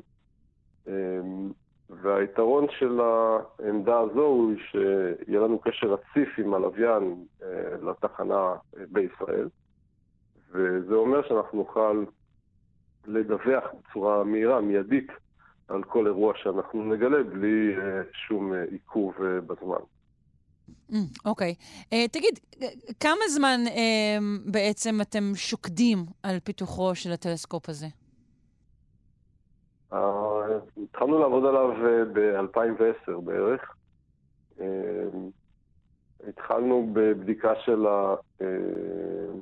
הרעיון של אה, האם אפשר אה, לבנות אה, מדע, אה, לוויין שיישא טלסקופ, שיעשה פריצת דרך עולמית באסטרונומיה, בכלים אה, שמבוססים בעיקר על יכולות אה, ישראליות.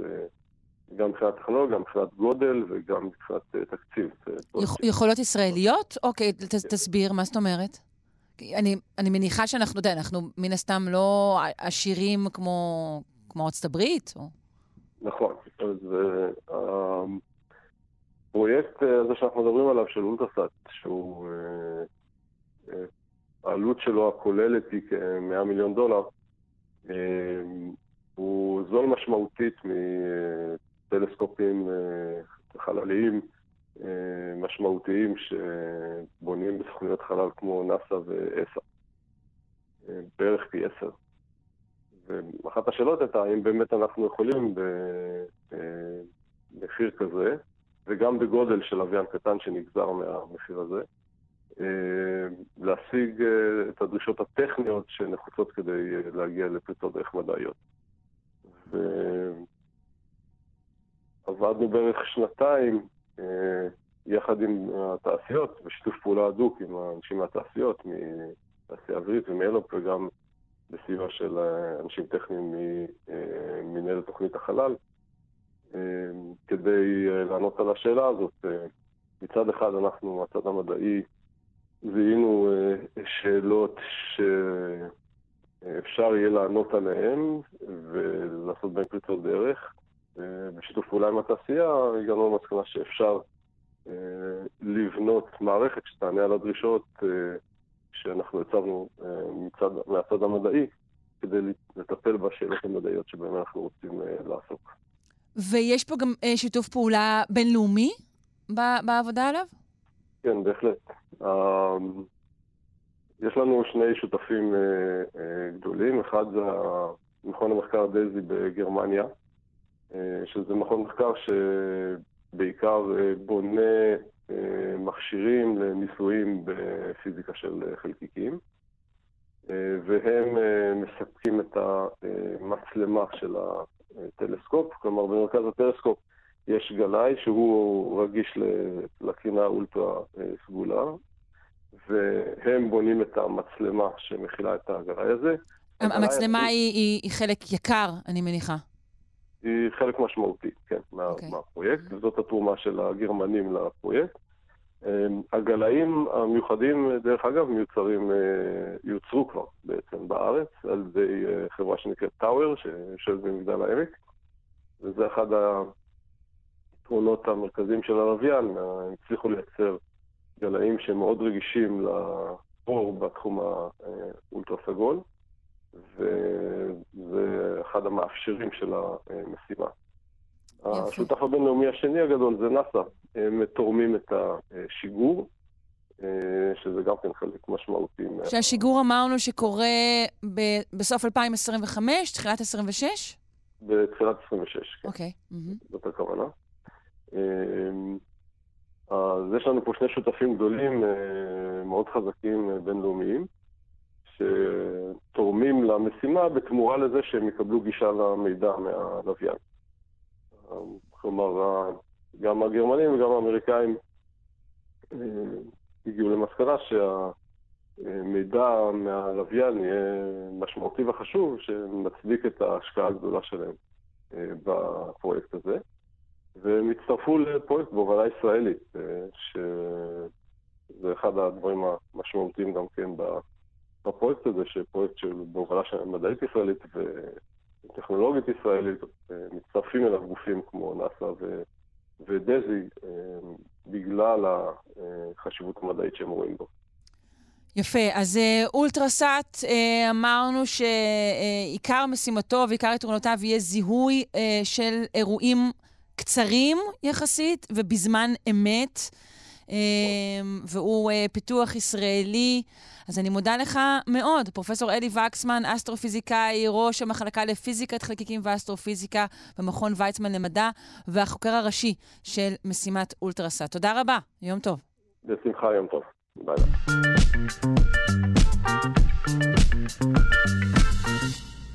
מה בין חילוף חומרים לבין אלצהיימר? אתם ודאי שואלים את עצמכם.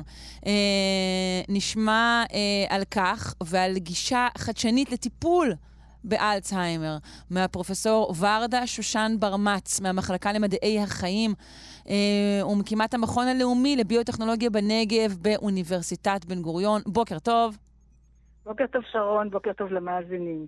אז מה, מה הקשר בין חילוף חומרים לבין אלצהיימר? כן, האמת היא שאלה מאוד חשובה, אבל אולי אה, כמה משפטים בכלל על, ה, על האלצהיימר, כי הסיבה היא שהמחלה הזו מתפתחת, מתפתחת בהדרגה במהלך שנים רבות, והיא מאופיינת בניוון איטי מתמשך של תאי העץ במוח. עכשיו, הדבר הזה, כפי שידוע, מביא לפגיעה חמורה בזיכרון, בחשיבה, למידה, שפה, תנועה, ובסופו של דבר האדם אינו מתפקד יותר בכוחות עצמו. ויש יותר ויותר אה, אבחנות של אלצהיימר מבחינת כן, אחוזים? כ... נכון. כיום סובלים ממחלה כ-50 מיליון אנשים ברחבי העולם. בארץ יש כ-120 אלף, וכל שנה מאובחנים כעשרה מיליון אה, חולים נוספים. וההערכה היא שמספר החולים יהיה קרוב ל-150 מיליון ב-2050. וכשהם מאובחנים, באיזה שלב זה של המחלה? אז זהו, אז לרוב הם מאובחנים בשלבים שמתחילים לראות סימנים בקוגניטיביות, בהתנהגות. למרות שמחקרים רבים הראו שישנה פגיעה במנגנון חילוף החומרים בחול, בחול, בחולי אלצהיימר למעלה מעשור לפני שמופיע איזשהי סימן של דמנציה או הידרדרות בתפקוד הקוגניטיבי. כלומר, את זה, כבר, את זה כבר יודעים. כן, עושים פט, אה, אה, פט סקן וזה, ורואים שהמטאבוליזם שם, שחילוף החומרים הוא נמוך יותר אצל חולי אלצהיימר, וזה נורא חשוב לזכור ש-25% מכלל האנרגיה שאנחנו מייצרים המוח מנצל, למרות שהוא חלק קטן מהגוף, אבל עדיין 25 אחוז, כי זה חשוב מאוד לתפקוד התקין שלו. אצל חולי אלצהיימר חילוף החומרים הוא הרבה הרבה יותר נמוך. וכשאנחנו מדברים על חילוף חומרים, מיד אה, צריכים לזכור שמי שאחראי לייצור מרבית האנרגיה זה אברון קטן שנקרא המיטוכונדריון, או ברבים המיטוכונדריה. ולכן הלכנו וחקרנו את התפקוד שלו בחולי אלצהיימר, כאשר השתמשנו במודל עכברי, וגם באותו מודל גם בחנו את הטיפול האפשרי שאני אה, אתאר. עכשיו, המיטוכונדריה, כפי שציינתי, הם אברונים קטנים הם אחראים על ייצור מרבית האנרגיה בתא, אבל נורא חשוב לזכור ולדעת, יותר נכון, שהם משתתפים בתהליכים רבים אחרים. למשל, הם מייצרים הרבה חומרי ביניים שדרושים לתא, לבנות אה, אה, קרומי תא, לבנות חלבונים. הם חיוניים uh, בדלקת, הם מעורבים בדלקת, הם מעורבים בתגובה חיסונית, ולאט לאט מצטבר שהפונקציה שלהם בייצור אנרגיה, שזה מה שאנחנו מלמדים בספרים ובקורסים שלנו, זה חלק אחד, אבל יש למיטוכונדריה הרבה מאוד תפקידים אחרים. אז באמת, uh, הדבר החשוב שהמיטוכונדריה אורזת בתוכה חלבונים שברגע שהם יוצאים משם, הם גורמים לתמותת התא. הם מפעילים תהליך שנקרא תמותת תא מתוכנתת, או בשפה המקובלת שלנו, אפופטוזיס, והם יוצאים משם למשל בהשפעת חומרים כימותרפיים. ככה חומרים כימותרפיים עובדים, לא כולם, אבל חלקם. ברגע שהחלבונים האלה יוצאים, הם מפעילים את תהליך תמותת התא. ולכן, כדי לצאת הם, מהקרום של התא, הם צריכים איזושהי תעלה, איזשהו מבנה שיאפשר להם לצאת.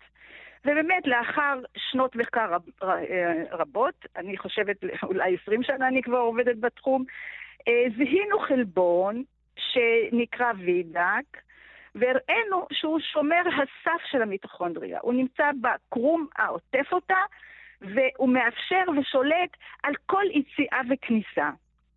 של כל החומרים. בתוך המיטוכונדריון יש אלף חלבונים שהם עושים המון המון פעילויות, והם צריכים כל מיני חומרים שצריכים לבוא מתוך, מהתא אליהם, או הם מייצרים כל מיני חומרים שצריכים לצאת מהמיטוכונדריה לתא. אבל מצאנו שהחלבון הזה גם אחראי ליציאת חומרי המוות, או חלבונים שגורמים לתהליך תמותת התא. ואיך זה קורה? זה קורה כשהרמה שלו עולה, אז הוא מתארגן בצורה של טבעת, שבמרכזה יש תעלה, ודרכה עכשיו החלבונים הגדולים יכולים לצאת החוצה ולהפעיל את תהליך תמותת התא. ומה שגם מעניין במספר מאמרים שפרסמנו, כולל בסיינס, בסל מטאבוליזם ואחרים, הראינו שהחלבון הזה עולה גם במחלות כמו אה, מחלות לב, כמו במעיים במחלת הקוליטיס והקרון, במחלות אוטואימיוניות כמו זאבת ועוד. ולכן קישרנו, הנה, יש לנו כאן חלבון, שבעצם הוא-הוא האחראי לכך שתאים מתים. הוא מאפשר לחלבונים שהמיטוכונדריה אורזת בתוכה רק ל... לאחר קבלת סיגנל מסוים לצאת, כאן הסיגנל זה הוא עצמו, הוא נוצר. הוא לא סימפטום, הוא לא סימפטום, הוא גורם. זה מה שאת אומרת? אה, הוא מפעיל, הוא מפעיל, אבל ברגע שהוא נמצא בכמות גבוהה. אם הוא לא נמצא בכמות גבוהה, הוא מתפקד כמו שצריך. נותן לדברים להיכנס ולצאת מהמיתוכיה בהתאם לריכוזים שלהם, בהתאם לאיפה שהם נדרשים. אבל ברגע שהוא בכמות גדולה, הוא בונה את המבנה הגדול הזה, שאז החלבונים שגורמי תמותה יכולים לצאת, כי הם גדולים, הם לא כמו אה, נגיד מולקולת ATP או סוכר, הם מאוד גדולים, והם לא יכולים סתם לצאת, ואין להם טרנספורטר, אין להם נשא מיוחד. וככה נבנית התעלה הזו. אז רגע, ואז... אנחנו, אנחנו, יש לנו דרך עכשיו למנוע ממנו לה, לה, להפוך לתעלה כזו? אה, זהו, בדיוק. יפה מאוד. זה בדיוק מה שאני רוצה אה, להסביר, איך עלינו על זה ואיך פיתחנו מולקולה שמפריעה לו. אבל מה שחשוב שגם באלצהיימר גילינו את אותו דבר. מצאנו שבחתכים שקנינו של מוחות של חולי אלצהיימר, הוא נמצא בכמות עצומה. ולקחנו עכבר מודל לאלצהיימר, שעשו בו חמש מוטציות, חמישה שינויים גנטיים שמצאו אותם בכל מיני משפחות, בפילדלפיה, בלונדון, בשוודיה, במחל... במשפחות שיש להן אה, מחלת אלצהיימר, בוא נאמר חצי תורשתית. אה, ואז מצאנו שבמוח של העכברים האלה, אז החלבון הזה וידק יוצר מעין טבעת בתאי העצב שמקיפים את הפלק. עכשיו, הפלק ממה הוא בנוי? בעיקר מחלבון קטן שנקרא המילואיד בטא. יתרה מכך, מצאנו שאנחנו לוקחים תאים וגורמים להם לייצר, או, או מייצרים בהם כמות המילואית בטא גבוהה, החלבון עולה. זאת אומרת, מי שאחראי לעלייה שלו זה הפלקים. אבל, אבל זה, זה אומר שאם אנחנו נטפל בפלקים, ייתכן ואנחנו נשפיע. אבל זה לא ככה, תכף תשמעי למה. אז כתוצאה מכך ש, שהוא מיוצר בכמות עצומה במוח אה, בסביב הפלקים, התאי עצב האלה פשוט מתים. כי הוא יוצר את אותה תעלה, גורם לתמותה, פגיעה בפעילות המיטוכונדריאלית, וכל זה כמובן כשאין תאי עצב פעילים, אז גם הפעילות הקוגניטיבית אה, אה, יורדת. ולאחר שאפיינו את המנגנון הזה, אז החלטנו שאנחנו צריכים לפתח מולקולה שתמנע את ההתארגנות הזו שלו. כן, זהו, אנחנו צריכים להתחיל לחתור לפתרון לאלצהיימר, אה, פרופסור שושן ברמץ, תכף זמננו ייגמר. כן, אוקיי, אז איך זה, איך זה קורה? אם אנחנו מונעים את ההתארגנות הזו, אז אנחנו מונעים את, ה, את תמותת התאים ומונעים את כל התהליך.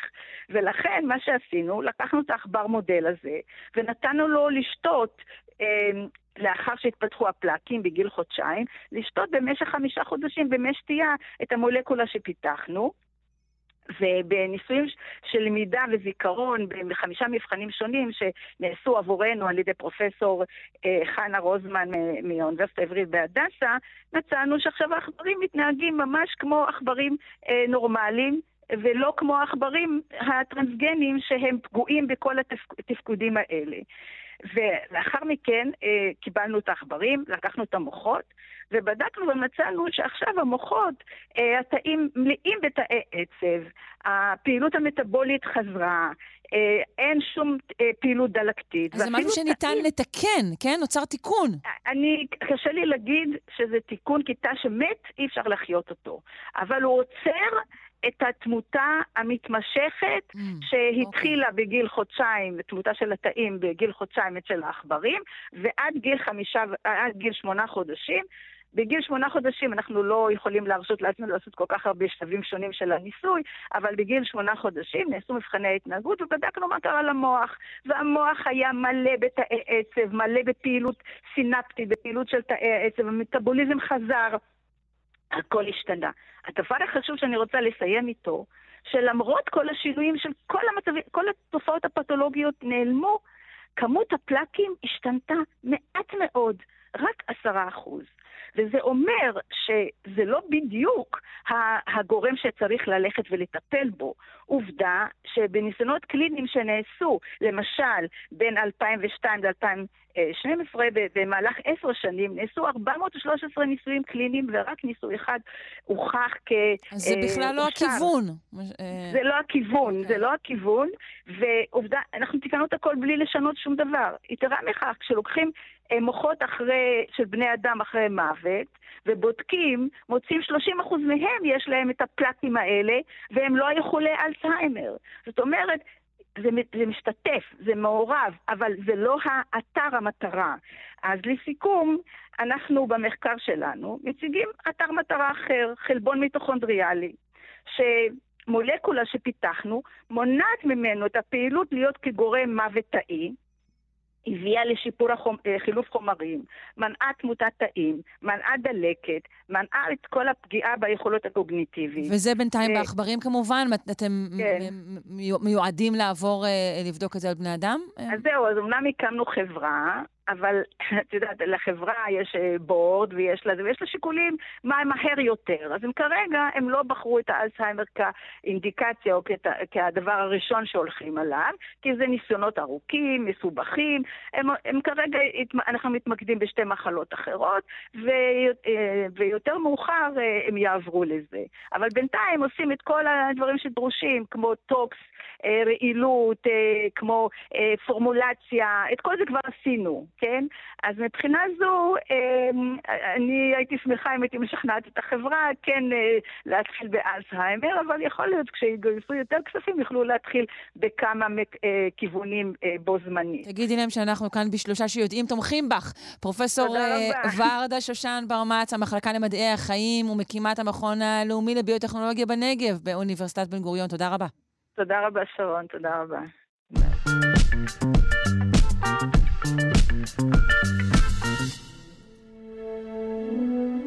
זהו האות של פינת החלל והאטמוספירה של הפרופסור יואב יאיר, דיקן בית הספר לקיימות באוניברסיטת רייכמן וחוקר אטמוספירה וחלל. היום הוא מבשר לנו על פתרון כולל לבעיית ההתחממות הגלובלית. לא, לא, זה לא נכון. אמ, ניסיתי לראות איך זה יישמע. מה שלומך? שלומי טוב מאוד, והופתעתי מהטון האופטימי. כן, ש... אה, סתם איזה מין ניסיון אה, ככה שלי על, על מוחי של עצמי ושל המאזינים. אה, אני רוצה לשאול אותך, לכבוד מה שנדבר עליו היום, כי הבחנתי בשני מושגים דומים אך שונים, הילד והילדה, אל ניניו ולניניה. מה ההבדל כן, אוקיי. ביניהם? נכון, אוקיי, הבדלים דרמטיים בין בין הילד והילדה, שהם כינויים לתופעה אטמוספרית אקלימית, מחזורית, למחצה, שמתרחשת באוקיינוס השקט מול אה, חופי פרו ואקוודור. אה, אל ניניו, הילד, דצמבר, יום הולדתו של אה, ישו, והדייגים שם מכירים את התופעה של התחממות פתאומית של מעלה או שתיים בטמפרטורת פני הים, מה שגורם לתגובת שרשרת, גם אקלימית, אבל מיידית אצלם, פגיעה בזרמים הקרים שעולים מתוך מעמקי הים, חומרים מזינים לתנובה ענקית של דגים. בשנות אל ניניו הדבר נפסק, כתוצאה מזה יבול הדגים בפרו ניזוק קשה, והדייגים יודעים, את, מכירים את התופעה הזאת כבר uh, עשרות, אם לא מאות שנים אפילו, ולכן נתנו לה את השם בקשר ליום הולדתו של ישו כאמור, דצמבר. זה הזמן שבו התופעה מגיעה לשיאה. אוקיי. לניניה, הילדה, היא התופעה ההפוכה, שבה יש קירור מסיבי של פני השטח באוקיינוס השקט, או משוני, אה, והתופעה הזאת מתחלפת אחת לכמה שנים, אנחנו מקבלים אה, לניניה, ואחת לכמה שנים אל ניניו, והמחקר החדש של קבוצת חוקרים מאוסטרליה, למעשה עושה סימולציות של ההשפעות האפשריות של השינוי האקלימי המתרחש ובא, התחממות אה, פני השטח הכוללת, לאו דווקא באירוע של אל ניניו או לניניה, שאגב נקראים בשם המשותף ENSO, El Niño Southern Oscillation, התנודה הדרומית, משום שזה לא ממוקד רק בפרו, כמו שאמרתי, אלא משפיע על כל האוקיינוס השקט, וכמו דומינו אטמוספרי גדול, משפיע למעשה על כל כדור הארץ. בהדרגה, זו תופעה שמתפשטת ולוקחת כמה חודשים. השנה למשל אנחנו בסופו של אירוע לניניה, קריר, ולניניה בדרך כלל בישראל או במזרח התיכון מופיעה על פי הסטטיסטיקה בשנים פחות גשומות ושכונות, ולעומת זאת אה, אנחנו רואים בקליפורניה שיטפונות ובאוסטרליה בצורות, זאת אומרת, האפקטים הם מגוונים ושונים ממקום למקום. בשנות אל ניניו התופעות הן הפוכות, בדרך כלל בישראל יש קורלציה במזרח התיכון והים התיכון כולו לגשמים מרובים יותר, לעומת זאת אה, סופות פחות חמורות, למשל באזור האטלנטי, פחות הוריקנים, פחות טייפונים, אז יש פה באמת תופעות מאוד מורכבות במין אפקט כזה שאנחנו קוראים לו teleconnection אקלימי, או קשרים מרוחקים במערכת האקלים, שנובעים מהתחממות ומהתקררות של אזורים נרחבים מאוד באוקיינוס השקט. אוקיי, אוקיי, ואתה מדבר, אמרת תופעה שצופים בה מאות שנים, נכון? נכון, ומוכרת מאוד, והנה אה, באה קבוצת חוקרים, קאי ושותפיו, שהם כבר מתמחים ומפרסמים כבר מספר מאמרים בתחום, על ההשפעות האפשריות של שינויי האקלים הנצפים, ההתחממות הגלובלית, על עוצמתם של אירועי אל ניניו קיצוניים. האירוע האחרון שאנחנו חווינו, אל ניניו קיצוני שנמשך שנה וחצי, היה ב-2016, זאת הייתה השנה החמה ביותר בהיסטוריה, המתועדת. וכשמסתכלים על הגרפים של המגמה הכוללת, רואים איזה מין פיק כזה ב-2016 של התחממות מאוד מאוד גדולה, והייתה באמת שנה קשה עם הרבה מאוד אירועים קיצוניים. והמחקר החדש, שהוא ברובו סימולטיבי, מסתכל על דבר שעד עכשיו לא כל כך uh, השגיחו בו, או בוא נאמר נתנו לו את תשומת הלב, והוא ההפשרה, או קצב ההפשרה ביבשת אנטארקטיקה.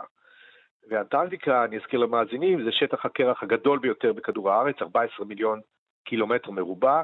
זה למעשה מין מקרר כזה, שיש לנו שניים כמוהו, אחד בצפון, אחד בדרום, שומר על האלבדו, כלומר על כמות ההחזרה של קרינת השמש ישירות אל החלל, כך שהאלבדו נשאר עדיין 0.3 ולא יורד, מה שיביא לבליעה מוגברת של קרינת שמש בפני השטח ולהתחממות. המנגנון הזה, אגב, אייס אלבידו פידבק, או משוב קרח אלבדו, מאוד מאוד חיוני לשמירה על אקלים איכשהו יציב, למרות שיש בו כמובן תנודות טבעיות, להלן אל ניניו ולניניה, אבל כל עוד יש קרח בכתבים, אנחנו יכולים להיות איכשהו רגועים שהטמפרטורה לא תשתולל, ולא נקבל פה מה שנקרא runaway greenhouse effect, או אפקט חממה משתולל. כן. והמחקר החדש מגלה שהשכיחות הגדולה הצפויה של אירועי אל ניניו קיצוניים, התחממות מסיבית של מי האוקיינוס, ישפיעו לרעה, וזו אינו הפתעה אגב, על קצב ההפשרה של אנטארקטיקה, שכבר עכשיו הוא גבוה ומאוד מאוד מדאיג. מה שיביא. לעלייה של, של, של פני הים. באופן בלתי נמנע, נכון, יש כאן שני אפקטים, שרון. קודם כל, שהמאזינים יכירו, זה לא דבר חדש, מדידות מלוויינים ברמות דיוק של מילימטרים, שבוצעו על ידי JPL, המעבדה לעינה הסילוני של נאס"א בפסדינה, אה, הראו שמאז 1997 אה, אנטארקטיקה כבר איבדה 12 טריליון טון של קרח שהפשיר, וזה גורם לעלייה נצפית במפלס פני האוקיינוסים, משום שזה קרח יבשתי, בניגוד להפשרה של קרח ימי, שרק מעלה במעט מאוד את המפלס, אם בכלל, בגלל חוק ארכימדס שאנחנו מכירים, קרח יבשתי זה פשוט תוספת נטו של מים מהיבשה חזרה אל האוקיינוסים. ואנחנו כבר מסתכלים בדאגה על הקרחונים, בעיקר באנטארקטיק אייס שיט המערבי. לאנטארקטיקה יש שני אה, מדפי קרח ענקיים, המערבי שהוא הקטן יותר מהשניים והמזרחי הגדול יותר, ומסתכלים על שני קרחונים, אחד מהם נקרא אפילו קרחון יום הדין, The Thwaites uh, Ice Sheet. אותו כינוי מרגיע. כן, כן, מרגיע מאוד, שהחישובים מראים שאם הוא יפשיר כולו, אנחנו נקבל בבת אחת עלייה של יותר מחצי מטר, כמעט 65 סנטימטר. אגב, אני לא רוצה להחריד את מאזינים ולהפחיד אותך במיוחד בבוקר אביבי כזה, אבל אה, המדענים חישבו שאם כל הקרח באנטארקטיקה יפשיר, עליית המפלס הכוללת בכדור הארץ היא 70 מטר. טוב, אנחנו לא נגיע לשם. אבל לא יפשיר כל הקרח, עוד יקרו... עד אז יקרו דברים גרועים אחרים שימנעו את זה. אה, יש לקוות שלא, שיקרו דברים טובים, כמו כן, כן, המשפט בוא. שבו את פתחת את התוכנית שלנו הבוקר, שנפתור את הבעיה של שינוי אקלים ו... ונחזור בתשובה ונהיה יותר ירוקים ויותר טובים ונפסיק לפלוט גזי חמה לאטמוספירה ונאט במידה מה את, ה, את הקצב ההתחממות הזה.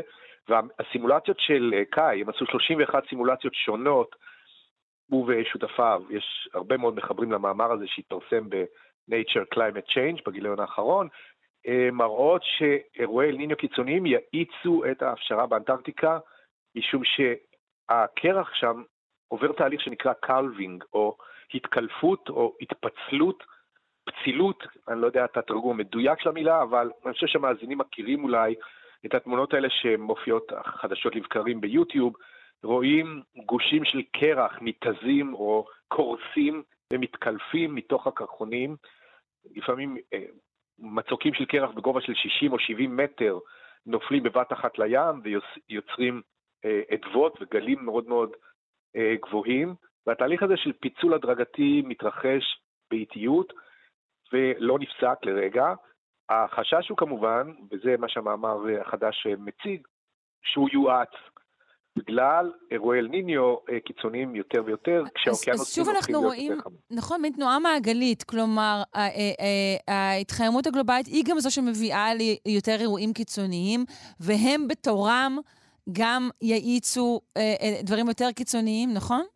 נכון, בדיוק, זה בדיוק המשוב, ה-ice albedo feedback וה-climate change feedbacks, שמאיצים את התהליכים הקיצוניים, זאת הייתה אגב שאלה במבחן לסטודנטים שלי כאן באוניברסיטת רייכמן, בית ספר לקיימות, שנה א', הם יודעים טוב את החומר. Uh, המנגנון הזה, כשאת מסלקת קרח לבן ובהיר עם אלבדו גבוה ומפנה את המקום לפני אוקיינוס כהים ובולעי קרינה, אז באופן בלתי נמנע את גורמת להתחממות נוספת, שהיא בתורה מפשירה... מפשירה עוד קרחונים. אוי אוי אוי. הבנת. כן, הבנתי. אה, טוב, אנחנו אה, צריכים להיפרד. תראה, בינתיים אנחנו עדיין מדברים פעם בשבוע, אז אה, מצבנו יחסית יציב. פרופ' יואב יאיר, דיקן בית הספר לקיימות באוניברסיטת רייכמן וחוקר אטמוספירה וחלל, תודה רבה. חן חן, שרון, להתראות.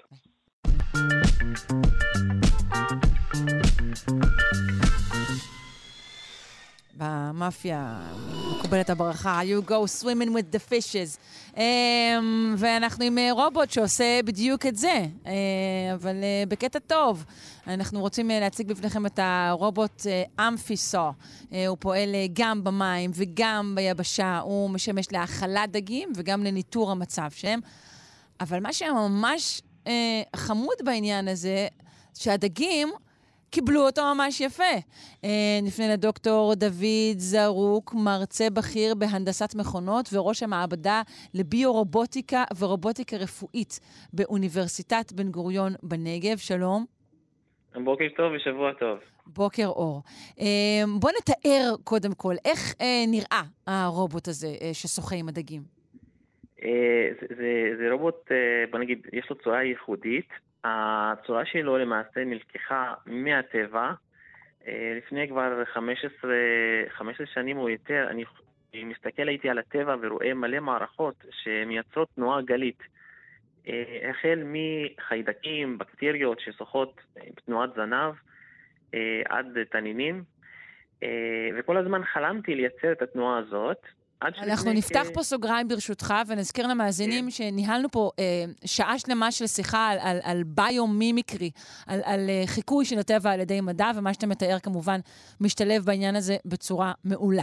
אז כעת, תמשיך. אה, כן, לחלוטין, לחלוטין. ההשראה הגיעה באמת מהטבע. אה, היה לנו הרבה זמן מחשבה איך מייצרים את התנועה הזאת עם מנוע אחד, כי רצינו לשפר את הנצילות ואת היעילות.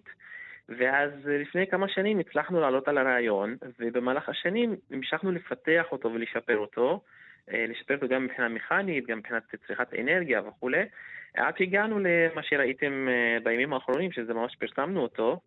אה, דרך אגב, זה התפרסם בעיתון של Bio-Inspiration Biomimetics, שזה באמת, הוא חיקוי של. הטבע.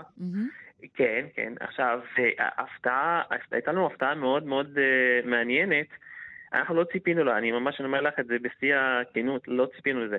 שמנו את הרובוט במים כדי לצלם אותו, אה, והדגים באו. פשוט אנחנו אז רגע, לא אבל לפני זה עוד לא סיימנו לתאר אותו. כלומר, הוא כמו מין נחש ים כזה קטן, שפחות או יותר, מה גודלו? אה, אה, סוג של, סוג של, אני לא, לא הייתי אומר שהוא בדיוק כמו נחש ים, הוא, אה, בוא נגיד, הוא קיבל השראה אומנם מ- מתנועה של נחסי ים, אבל יש בו גם אלמנטים משלנו. התנועה הגלית שלו הולכת כלפי מעלה-מטה. במידה מסוימת זה מזכיר את היונקים הימיים, כמו Mm. דולפינים אה, ולוויתנים, בכיוון של התנועה. אה, צורת התנועה באמת מזכירה יותר את נחשי ים. אה, אבל באמת יש לו את הזנב היפה הזה. והוספנו לו גם כמו שני, שתי רגליים קדימה, כדי ש, שיגיע לקרקע גם כן יוכל לזחול על הקרקע. אה, וזהו, אז... אבל מה הגודל שלו? הגודל שלו יכול לנוע, אה, זה יכול, אפשר לבנות אותו בכמה סנטימטרים, אבל לא נוכל להכניס לו מערכת חכמה בגודל של כמה סנטימטרים. אה, אבל מבחינת מכניזם, זה יכול להיות סדר גודל של שישה סנטימטרים, אפילו אולי פחות. הגודל של מה שהצגנו כעת זה סדר גודל בין 30 ל-40 סנטימטר, שזה מספיק גדול גם כן לעשות אה, משימות אה, בסיסיות, ואפשר להכניס בו כן מערכת בקרה ונוכל לשלוט עליו. אז זהו, מה- מהן המשימות אה, שעומדות אה, בפני הרובוט הזה? אה, יש כמה משימות שאנחנו חושבים עליהן. אחד מהם אה, אה, זה האכלת דגים, האכלת אה, אה, מה שנקרא חקלאות ימית. אה, זאת אומרת, גם אפשר להאכיל את הדגים, גם אפשר לנטר את המים, אפשר לנטר תנאי סביבה. אה, אפשר גם כן להשתמש בו למטרות חיפוש והצלה. אה, היות והרובוט גם כן, אמרנו שהוא אמפיבי, הוא גם כן יכול לזחול וגם יכול לשחות. זהו, הוא, הוא גם יוצא החוצה אה, אל האדמה. אתה יודע, הוא קצת מזכיר לי מין משהו בין יותר תנין למקסחת דשא. אה, זה נכון, זה נכון. קיב- קיבלנו השראה מ... אה, בוא נגיד מכמה גורמים ביחד. זה משהו כזה לא שגרתי, בוא נגיד, אבל, אה, אבל כן, יש לו השראה מכמה דברים, ו... ויש לו את היכולת לזחול על הקרקע. זו יכולת מאוד ייחודית. יש מספר מצומצם של רובוטים שגם יכולים אה, להיות במים וגם על הקרקע. זה הרובוט הדו-חי אה, הראשון כמעט, אה, או לפחות אה, בין בודדים שהם כאלו. בודדים, בודדים. היו לנו, היה לנו בעבר עוד אחד שהיה מאוד מאוד מהיר, אבל בוא נגיד ככה, דגים לא התקרבו אליו, בכלל לא. זהו, אז מה, מה אתה חושב, אה, התחלת להגיד ששמתם את הרובוט במים והופתעתם מאוד לגלות שכל הדגים אה, התקבצו ובאו אה, לראות את החבר החדש. מה אתה חושב אה, שמושך את הדגים, או לחילופין לא מרתיע אותם? אז זהו, אז תראי, יש שני, שני נושאים פה. אחד, מה מושך אותם, ואחד, למה הוא לא מרתיע אותם. אז, אה, אז, אז שאלתי באמת, התייעצתי עם כמה חוקרים אה, אה, ימיים, בוא נגיד ככה, שמתעסקים בדגים וחיות ימיים. אה, אין לנו תשובה חד משמעית, אה, למה הם הולכים מהחלב, אבל יכול כאילו, הוא להיות לא כל הזמן מפזר להם אוכל טעים, כי זו שיטה די, די, די פשוטה למשוך בעלי נכון. חיים, לא? אה, כל מה שאת רואה שם, לא היה שום אוכל, שום דבר שיכול למשוך אותם. לא היה שום אוכל ב- אז מה, בסרטונים. מה זה, אולי, אולי חום ש- שהוא פולט, או לא יודעת. אה, אולי שקשוק המים משך את תשומת ליבם, אה, והצורה הטבעית שלו, שהיא לא מאיימת עליהם, זה לא פרופלורים, מדחפים כאלה שמסתובבים ומערבלים את המים, שמלחיצים אותם. הם פשוט רדפו אחריו כולם, ו- וזה חזר על עצמו עוד ועוד ועוד. ניסינו את זה מספר פעמים, ו- והיה לנו אפילו קשה לצלם בלי שהדגים יבואו אלינו. וזה לא דבר שכיוונתם אליו, שוב, זה דבר שהפתיע אתכם. אה, אה, כן, אני אגיד לך שאנחנו כן ציפינו שמשהו שדומה אה, ליצורים ימיים יהיה פחות מרתיע לחיות, אבל לא ציפינו לתגובה היפה הזאת. זו הייתה תגובה הרבה מעבר למצופה. זה עוזר אה, אה, לפעולות שלו, או שההפך זה אולי גם מפריע, העובדה שהדגים מתגודדים סביב הרובוט? לא, לא, זה יכול להיות דווקא טוב. אה, הרי בסופו של דבר, אם רוצים להאכיל דגים, הדגים בכל מקרה יבואו לאוכל. ואם אם יצא לך לראות איך מאכילים דגים, פשוט שזורקים להם מעט מאוד אוכל, או הרבה אוכל, לא משנה, פשוט באים, באות כמויות של, אה, כן, בוודאי. אה, של דגים. אנחנו יכולים לעשות משהו טיפה שונה אה, בזה שאם אנחנו שמים רובוט והרובוט מפזר את האוכל, אז הוא עושה שביל של אוכל, ואז הדגים לא חייבים להתמודד כולם על אותה נקודה. אז פיזור האוכל לאורך קו יכול להיות הרבה יותר שיבושי. אז, אה, אז אנחנו כן חושבים שזה דווקא יעשה טוב. העובדה שהרובוט נוסע תוך כדי. Mm, אוקיי. אה, תגיד, במעבדה שלך מפתחים עוד כל מיני אה, רובוטים מעניינים? אה, כן, כל הזמן. אה, יש לנו, אה, יש לנו מספר רובוטים שאנחנו אז מפתחים אותם. יש לנו באמת דברים מעופפים, יש לנו דברים זוחלים, יש לנו דברים שוחים. יש לנו גם זרועות רובוטיות, אה, כן, זה, זה התחום שלנו דרך אגב, במעבדה. זה, זה משהו די ייחודי למעבדה שלנו בארץ, שאנחנו מפתחים סוגים חדשים של רובוטים, עם דגש על המכניקה ועל צורות חדשות של רובוטיקה. יפה, אז מי שרוצה לראות אה, אה, סרטוני הדגמה של הרובוטים שלכם, יכול להיכנס ליוטיוב ולחפש את אה, Zarrouk lab, אה, Z-A-R-R-O-U-K lab, אה, ולראות שם כל מיני דברים מרתקים. אז אני מודה לך מאוד בשלב הזה, דוקטור דוד זרוק, מרצה בכיר בהנדסת מכונות וראש המעבדה לביו-רובוטיקה ורובוטיקה רפואית באוניברסיטת בן גוריון בנגב. תודה. תודה לכם ושבוע יום טוב. טוב, ביי.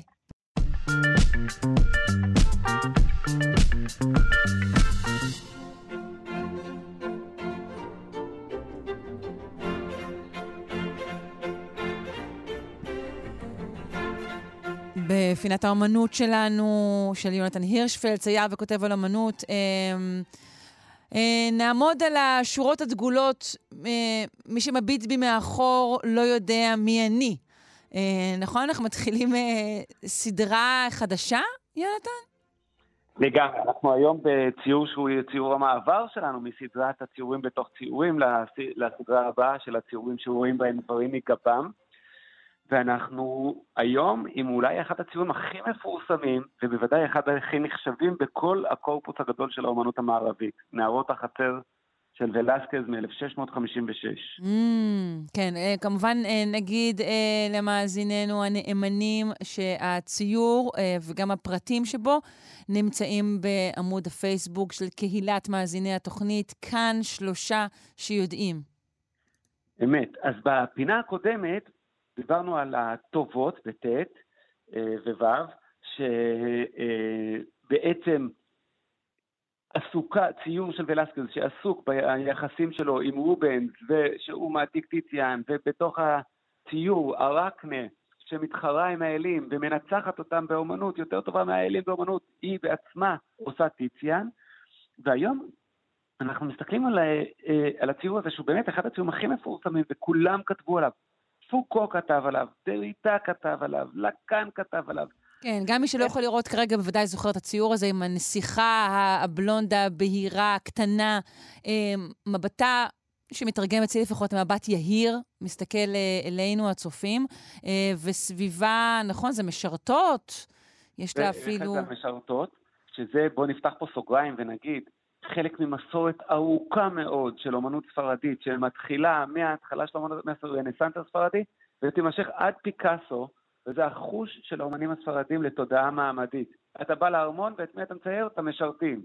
כן, זה גויה ופיקאסו, זה, אין לזה, ומוריו עם העניים, זה התודעה המעמדית של הספרדים. כלומר, שבציור של, ה, של האציל או האצילה או בן, או בן הבת המלוכה, אה, הם מכניסים גם את המשרתים אה, כחלק מאמירה חברתית. כלומר, הש, השלטון נמצא במערכת היחסים בין השליט לבין אלו שמקיפים אותו. לגמרי, ולא רק זה, איפה באמת נמצא השליט? איפה המלך והמלכה? מה דרגת הקיום שלהם? הם קיימים? הם השתקפות במעבה הציור, במעמק הציור, mm. במראה שבעומק הציור רואים אותם משתקפים. הם אפילו לא אמיתיים, הם רק דימוי. הריבון שאנחנו כל כך מפחדים ממנו, הוא רק דימוי. הלואי ה-16 הזה, אם אתה רק עושה לו צעד אחד קדימה, נופלת לו הפאה המפוטרת והכתר. כן, הוא נוצר מהצלת הכוח שאנחנו נותנים לו וממי שמקיף אותו ושמצייץ לו. לגמרי, mm-hmm. לגמרי, הריבון הוא דימוי. אז אנחנו... אה, נתבונן שנייה על הציור הזה, ואנחנו נראה שמעל ולסקז עצמו, שמופיע, מה שאנחנו רואים בציור, אגב, למי שמאזין, רואים את ולסקז עומד מולנו, כאילו הוא מצייר אותנו, ואנחנו רואים את הגב של הציור, זו הופעתו הראשונה בתולדות האומנות של הגב של הציור, וזה לא כל כך ברור אם הגב של הציור הוא של ציור אחר, שהוא מצייר אותנו ויש איזה נוף, או שהציור, כשהוא יסיים אותו, יהיה הציור שאותו אנחנו רואים עכשיו, ובעצם... כלומר, האם זה ציור אחר, או בעצם מעין השתקפות כזאת, אפשר להגיד? כן, ו- ובעצם אנחנו כלואים באיזה מין פרדוקס כזה של... אה, אנחנו רואים את הגב של הציור שאותו אנחנו רואים, את הגב שלו שאותו אנחנו רואים, את הגב שלו שאותו אנחנו רואים עד אינסוף, כמו מראה שמסתכלת על מצלמה ומשתקפת בה עד אינסוף. ומעל הראש שלו מאחורה ישנם שני ציורים מאוד מאוד מטושטשים, וקשה לראות אותם בפרודוקציות, ומי שנוסע לפרדו, אני מציע לו אה, להתקרב ולראות אותם מקרוב, אבל אני שמתי בעמוד הפייסבוק של כאן שלושה ויודעים גם הגדלות שלהם, ובהגדלות ניתן לראות שאלו הם שני ציורים שהם העתקים ספרדיים אה, ממקור של רובנס, מאותם ציורים של רובנס השאיר בביקור המיתולוגי שלו ב-1628 בפרדו, בארמון, והציורים האלה, הנושא שלהם הוא שני אנשים שניצחו את האלים באומנות. מרסיאס הסאטיר שניצח את אפולו בנגינה, והרקנה שניצחה את אה, אתנה בלטוות שטיחים. ושוב אנחנו רואים שהנושא העמוק פה הוא הדין והחשבון שלו עם רובנס. כאילו הוא אומר לרובנס, תקשיב אחי, אני שם שניים כמוך בציור. את איתי? כן, כן, כאילו בטח. הרעיון הזה של לצייר את הציורים שבהם אתה מנצח את האלים, רובן זה הצייר הגדול הנכנס ויוצא מחצות מלאכים וזה, אני שם שניים כמוך. כן, אני אוכל אותך לארוחת בוקר שכזה. אוכל אותך לארוחת בוקר.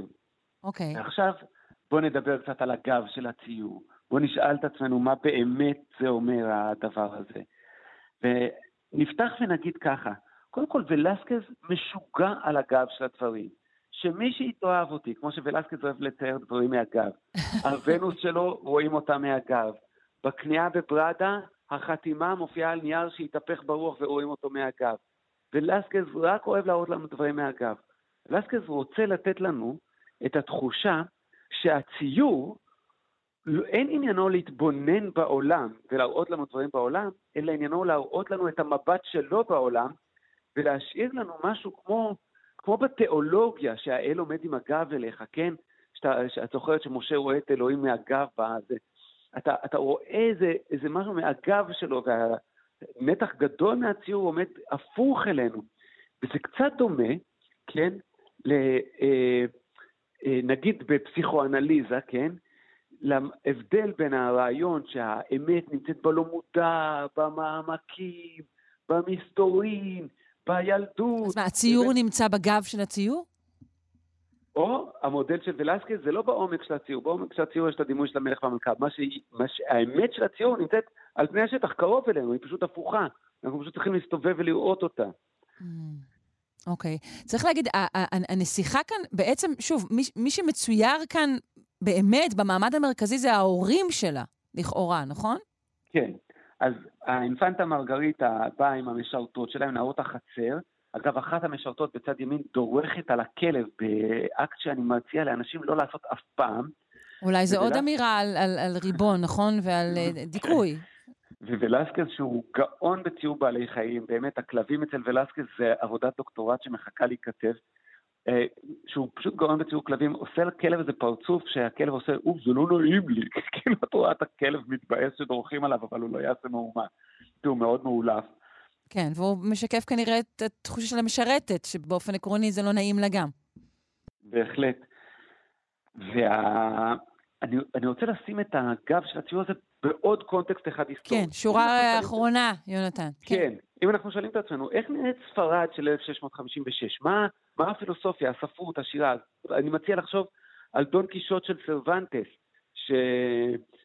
שבורא את העולם הדמיוני שלו, או את המחזות של קלדרון, שבהם הדמות מסתכלת לקהל וקורצת מעל הראש של השחקנים האחרים. זאת אומרת, יש כאן הזמנה של הצופים לאייש עמדה בתוך האומנות, כן? כמו ש... דון קישוט הופך לדמות, כן, אה, אה, הוא, הדמויו, הוא, הוא מודע לכך שהוא יצירת סיפור. זמננו תם, יונתן, אה, אני מודה לך. וזה הכל היום. תודה רבה לך, יונתן הירשפלד, צייר וכותב על אומנות. עד כאן שלושה שיודעים להבוקר.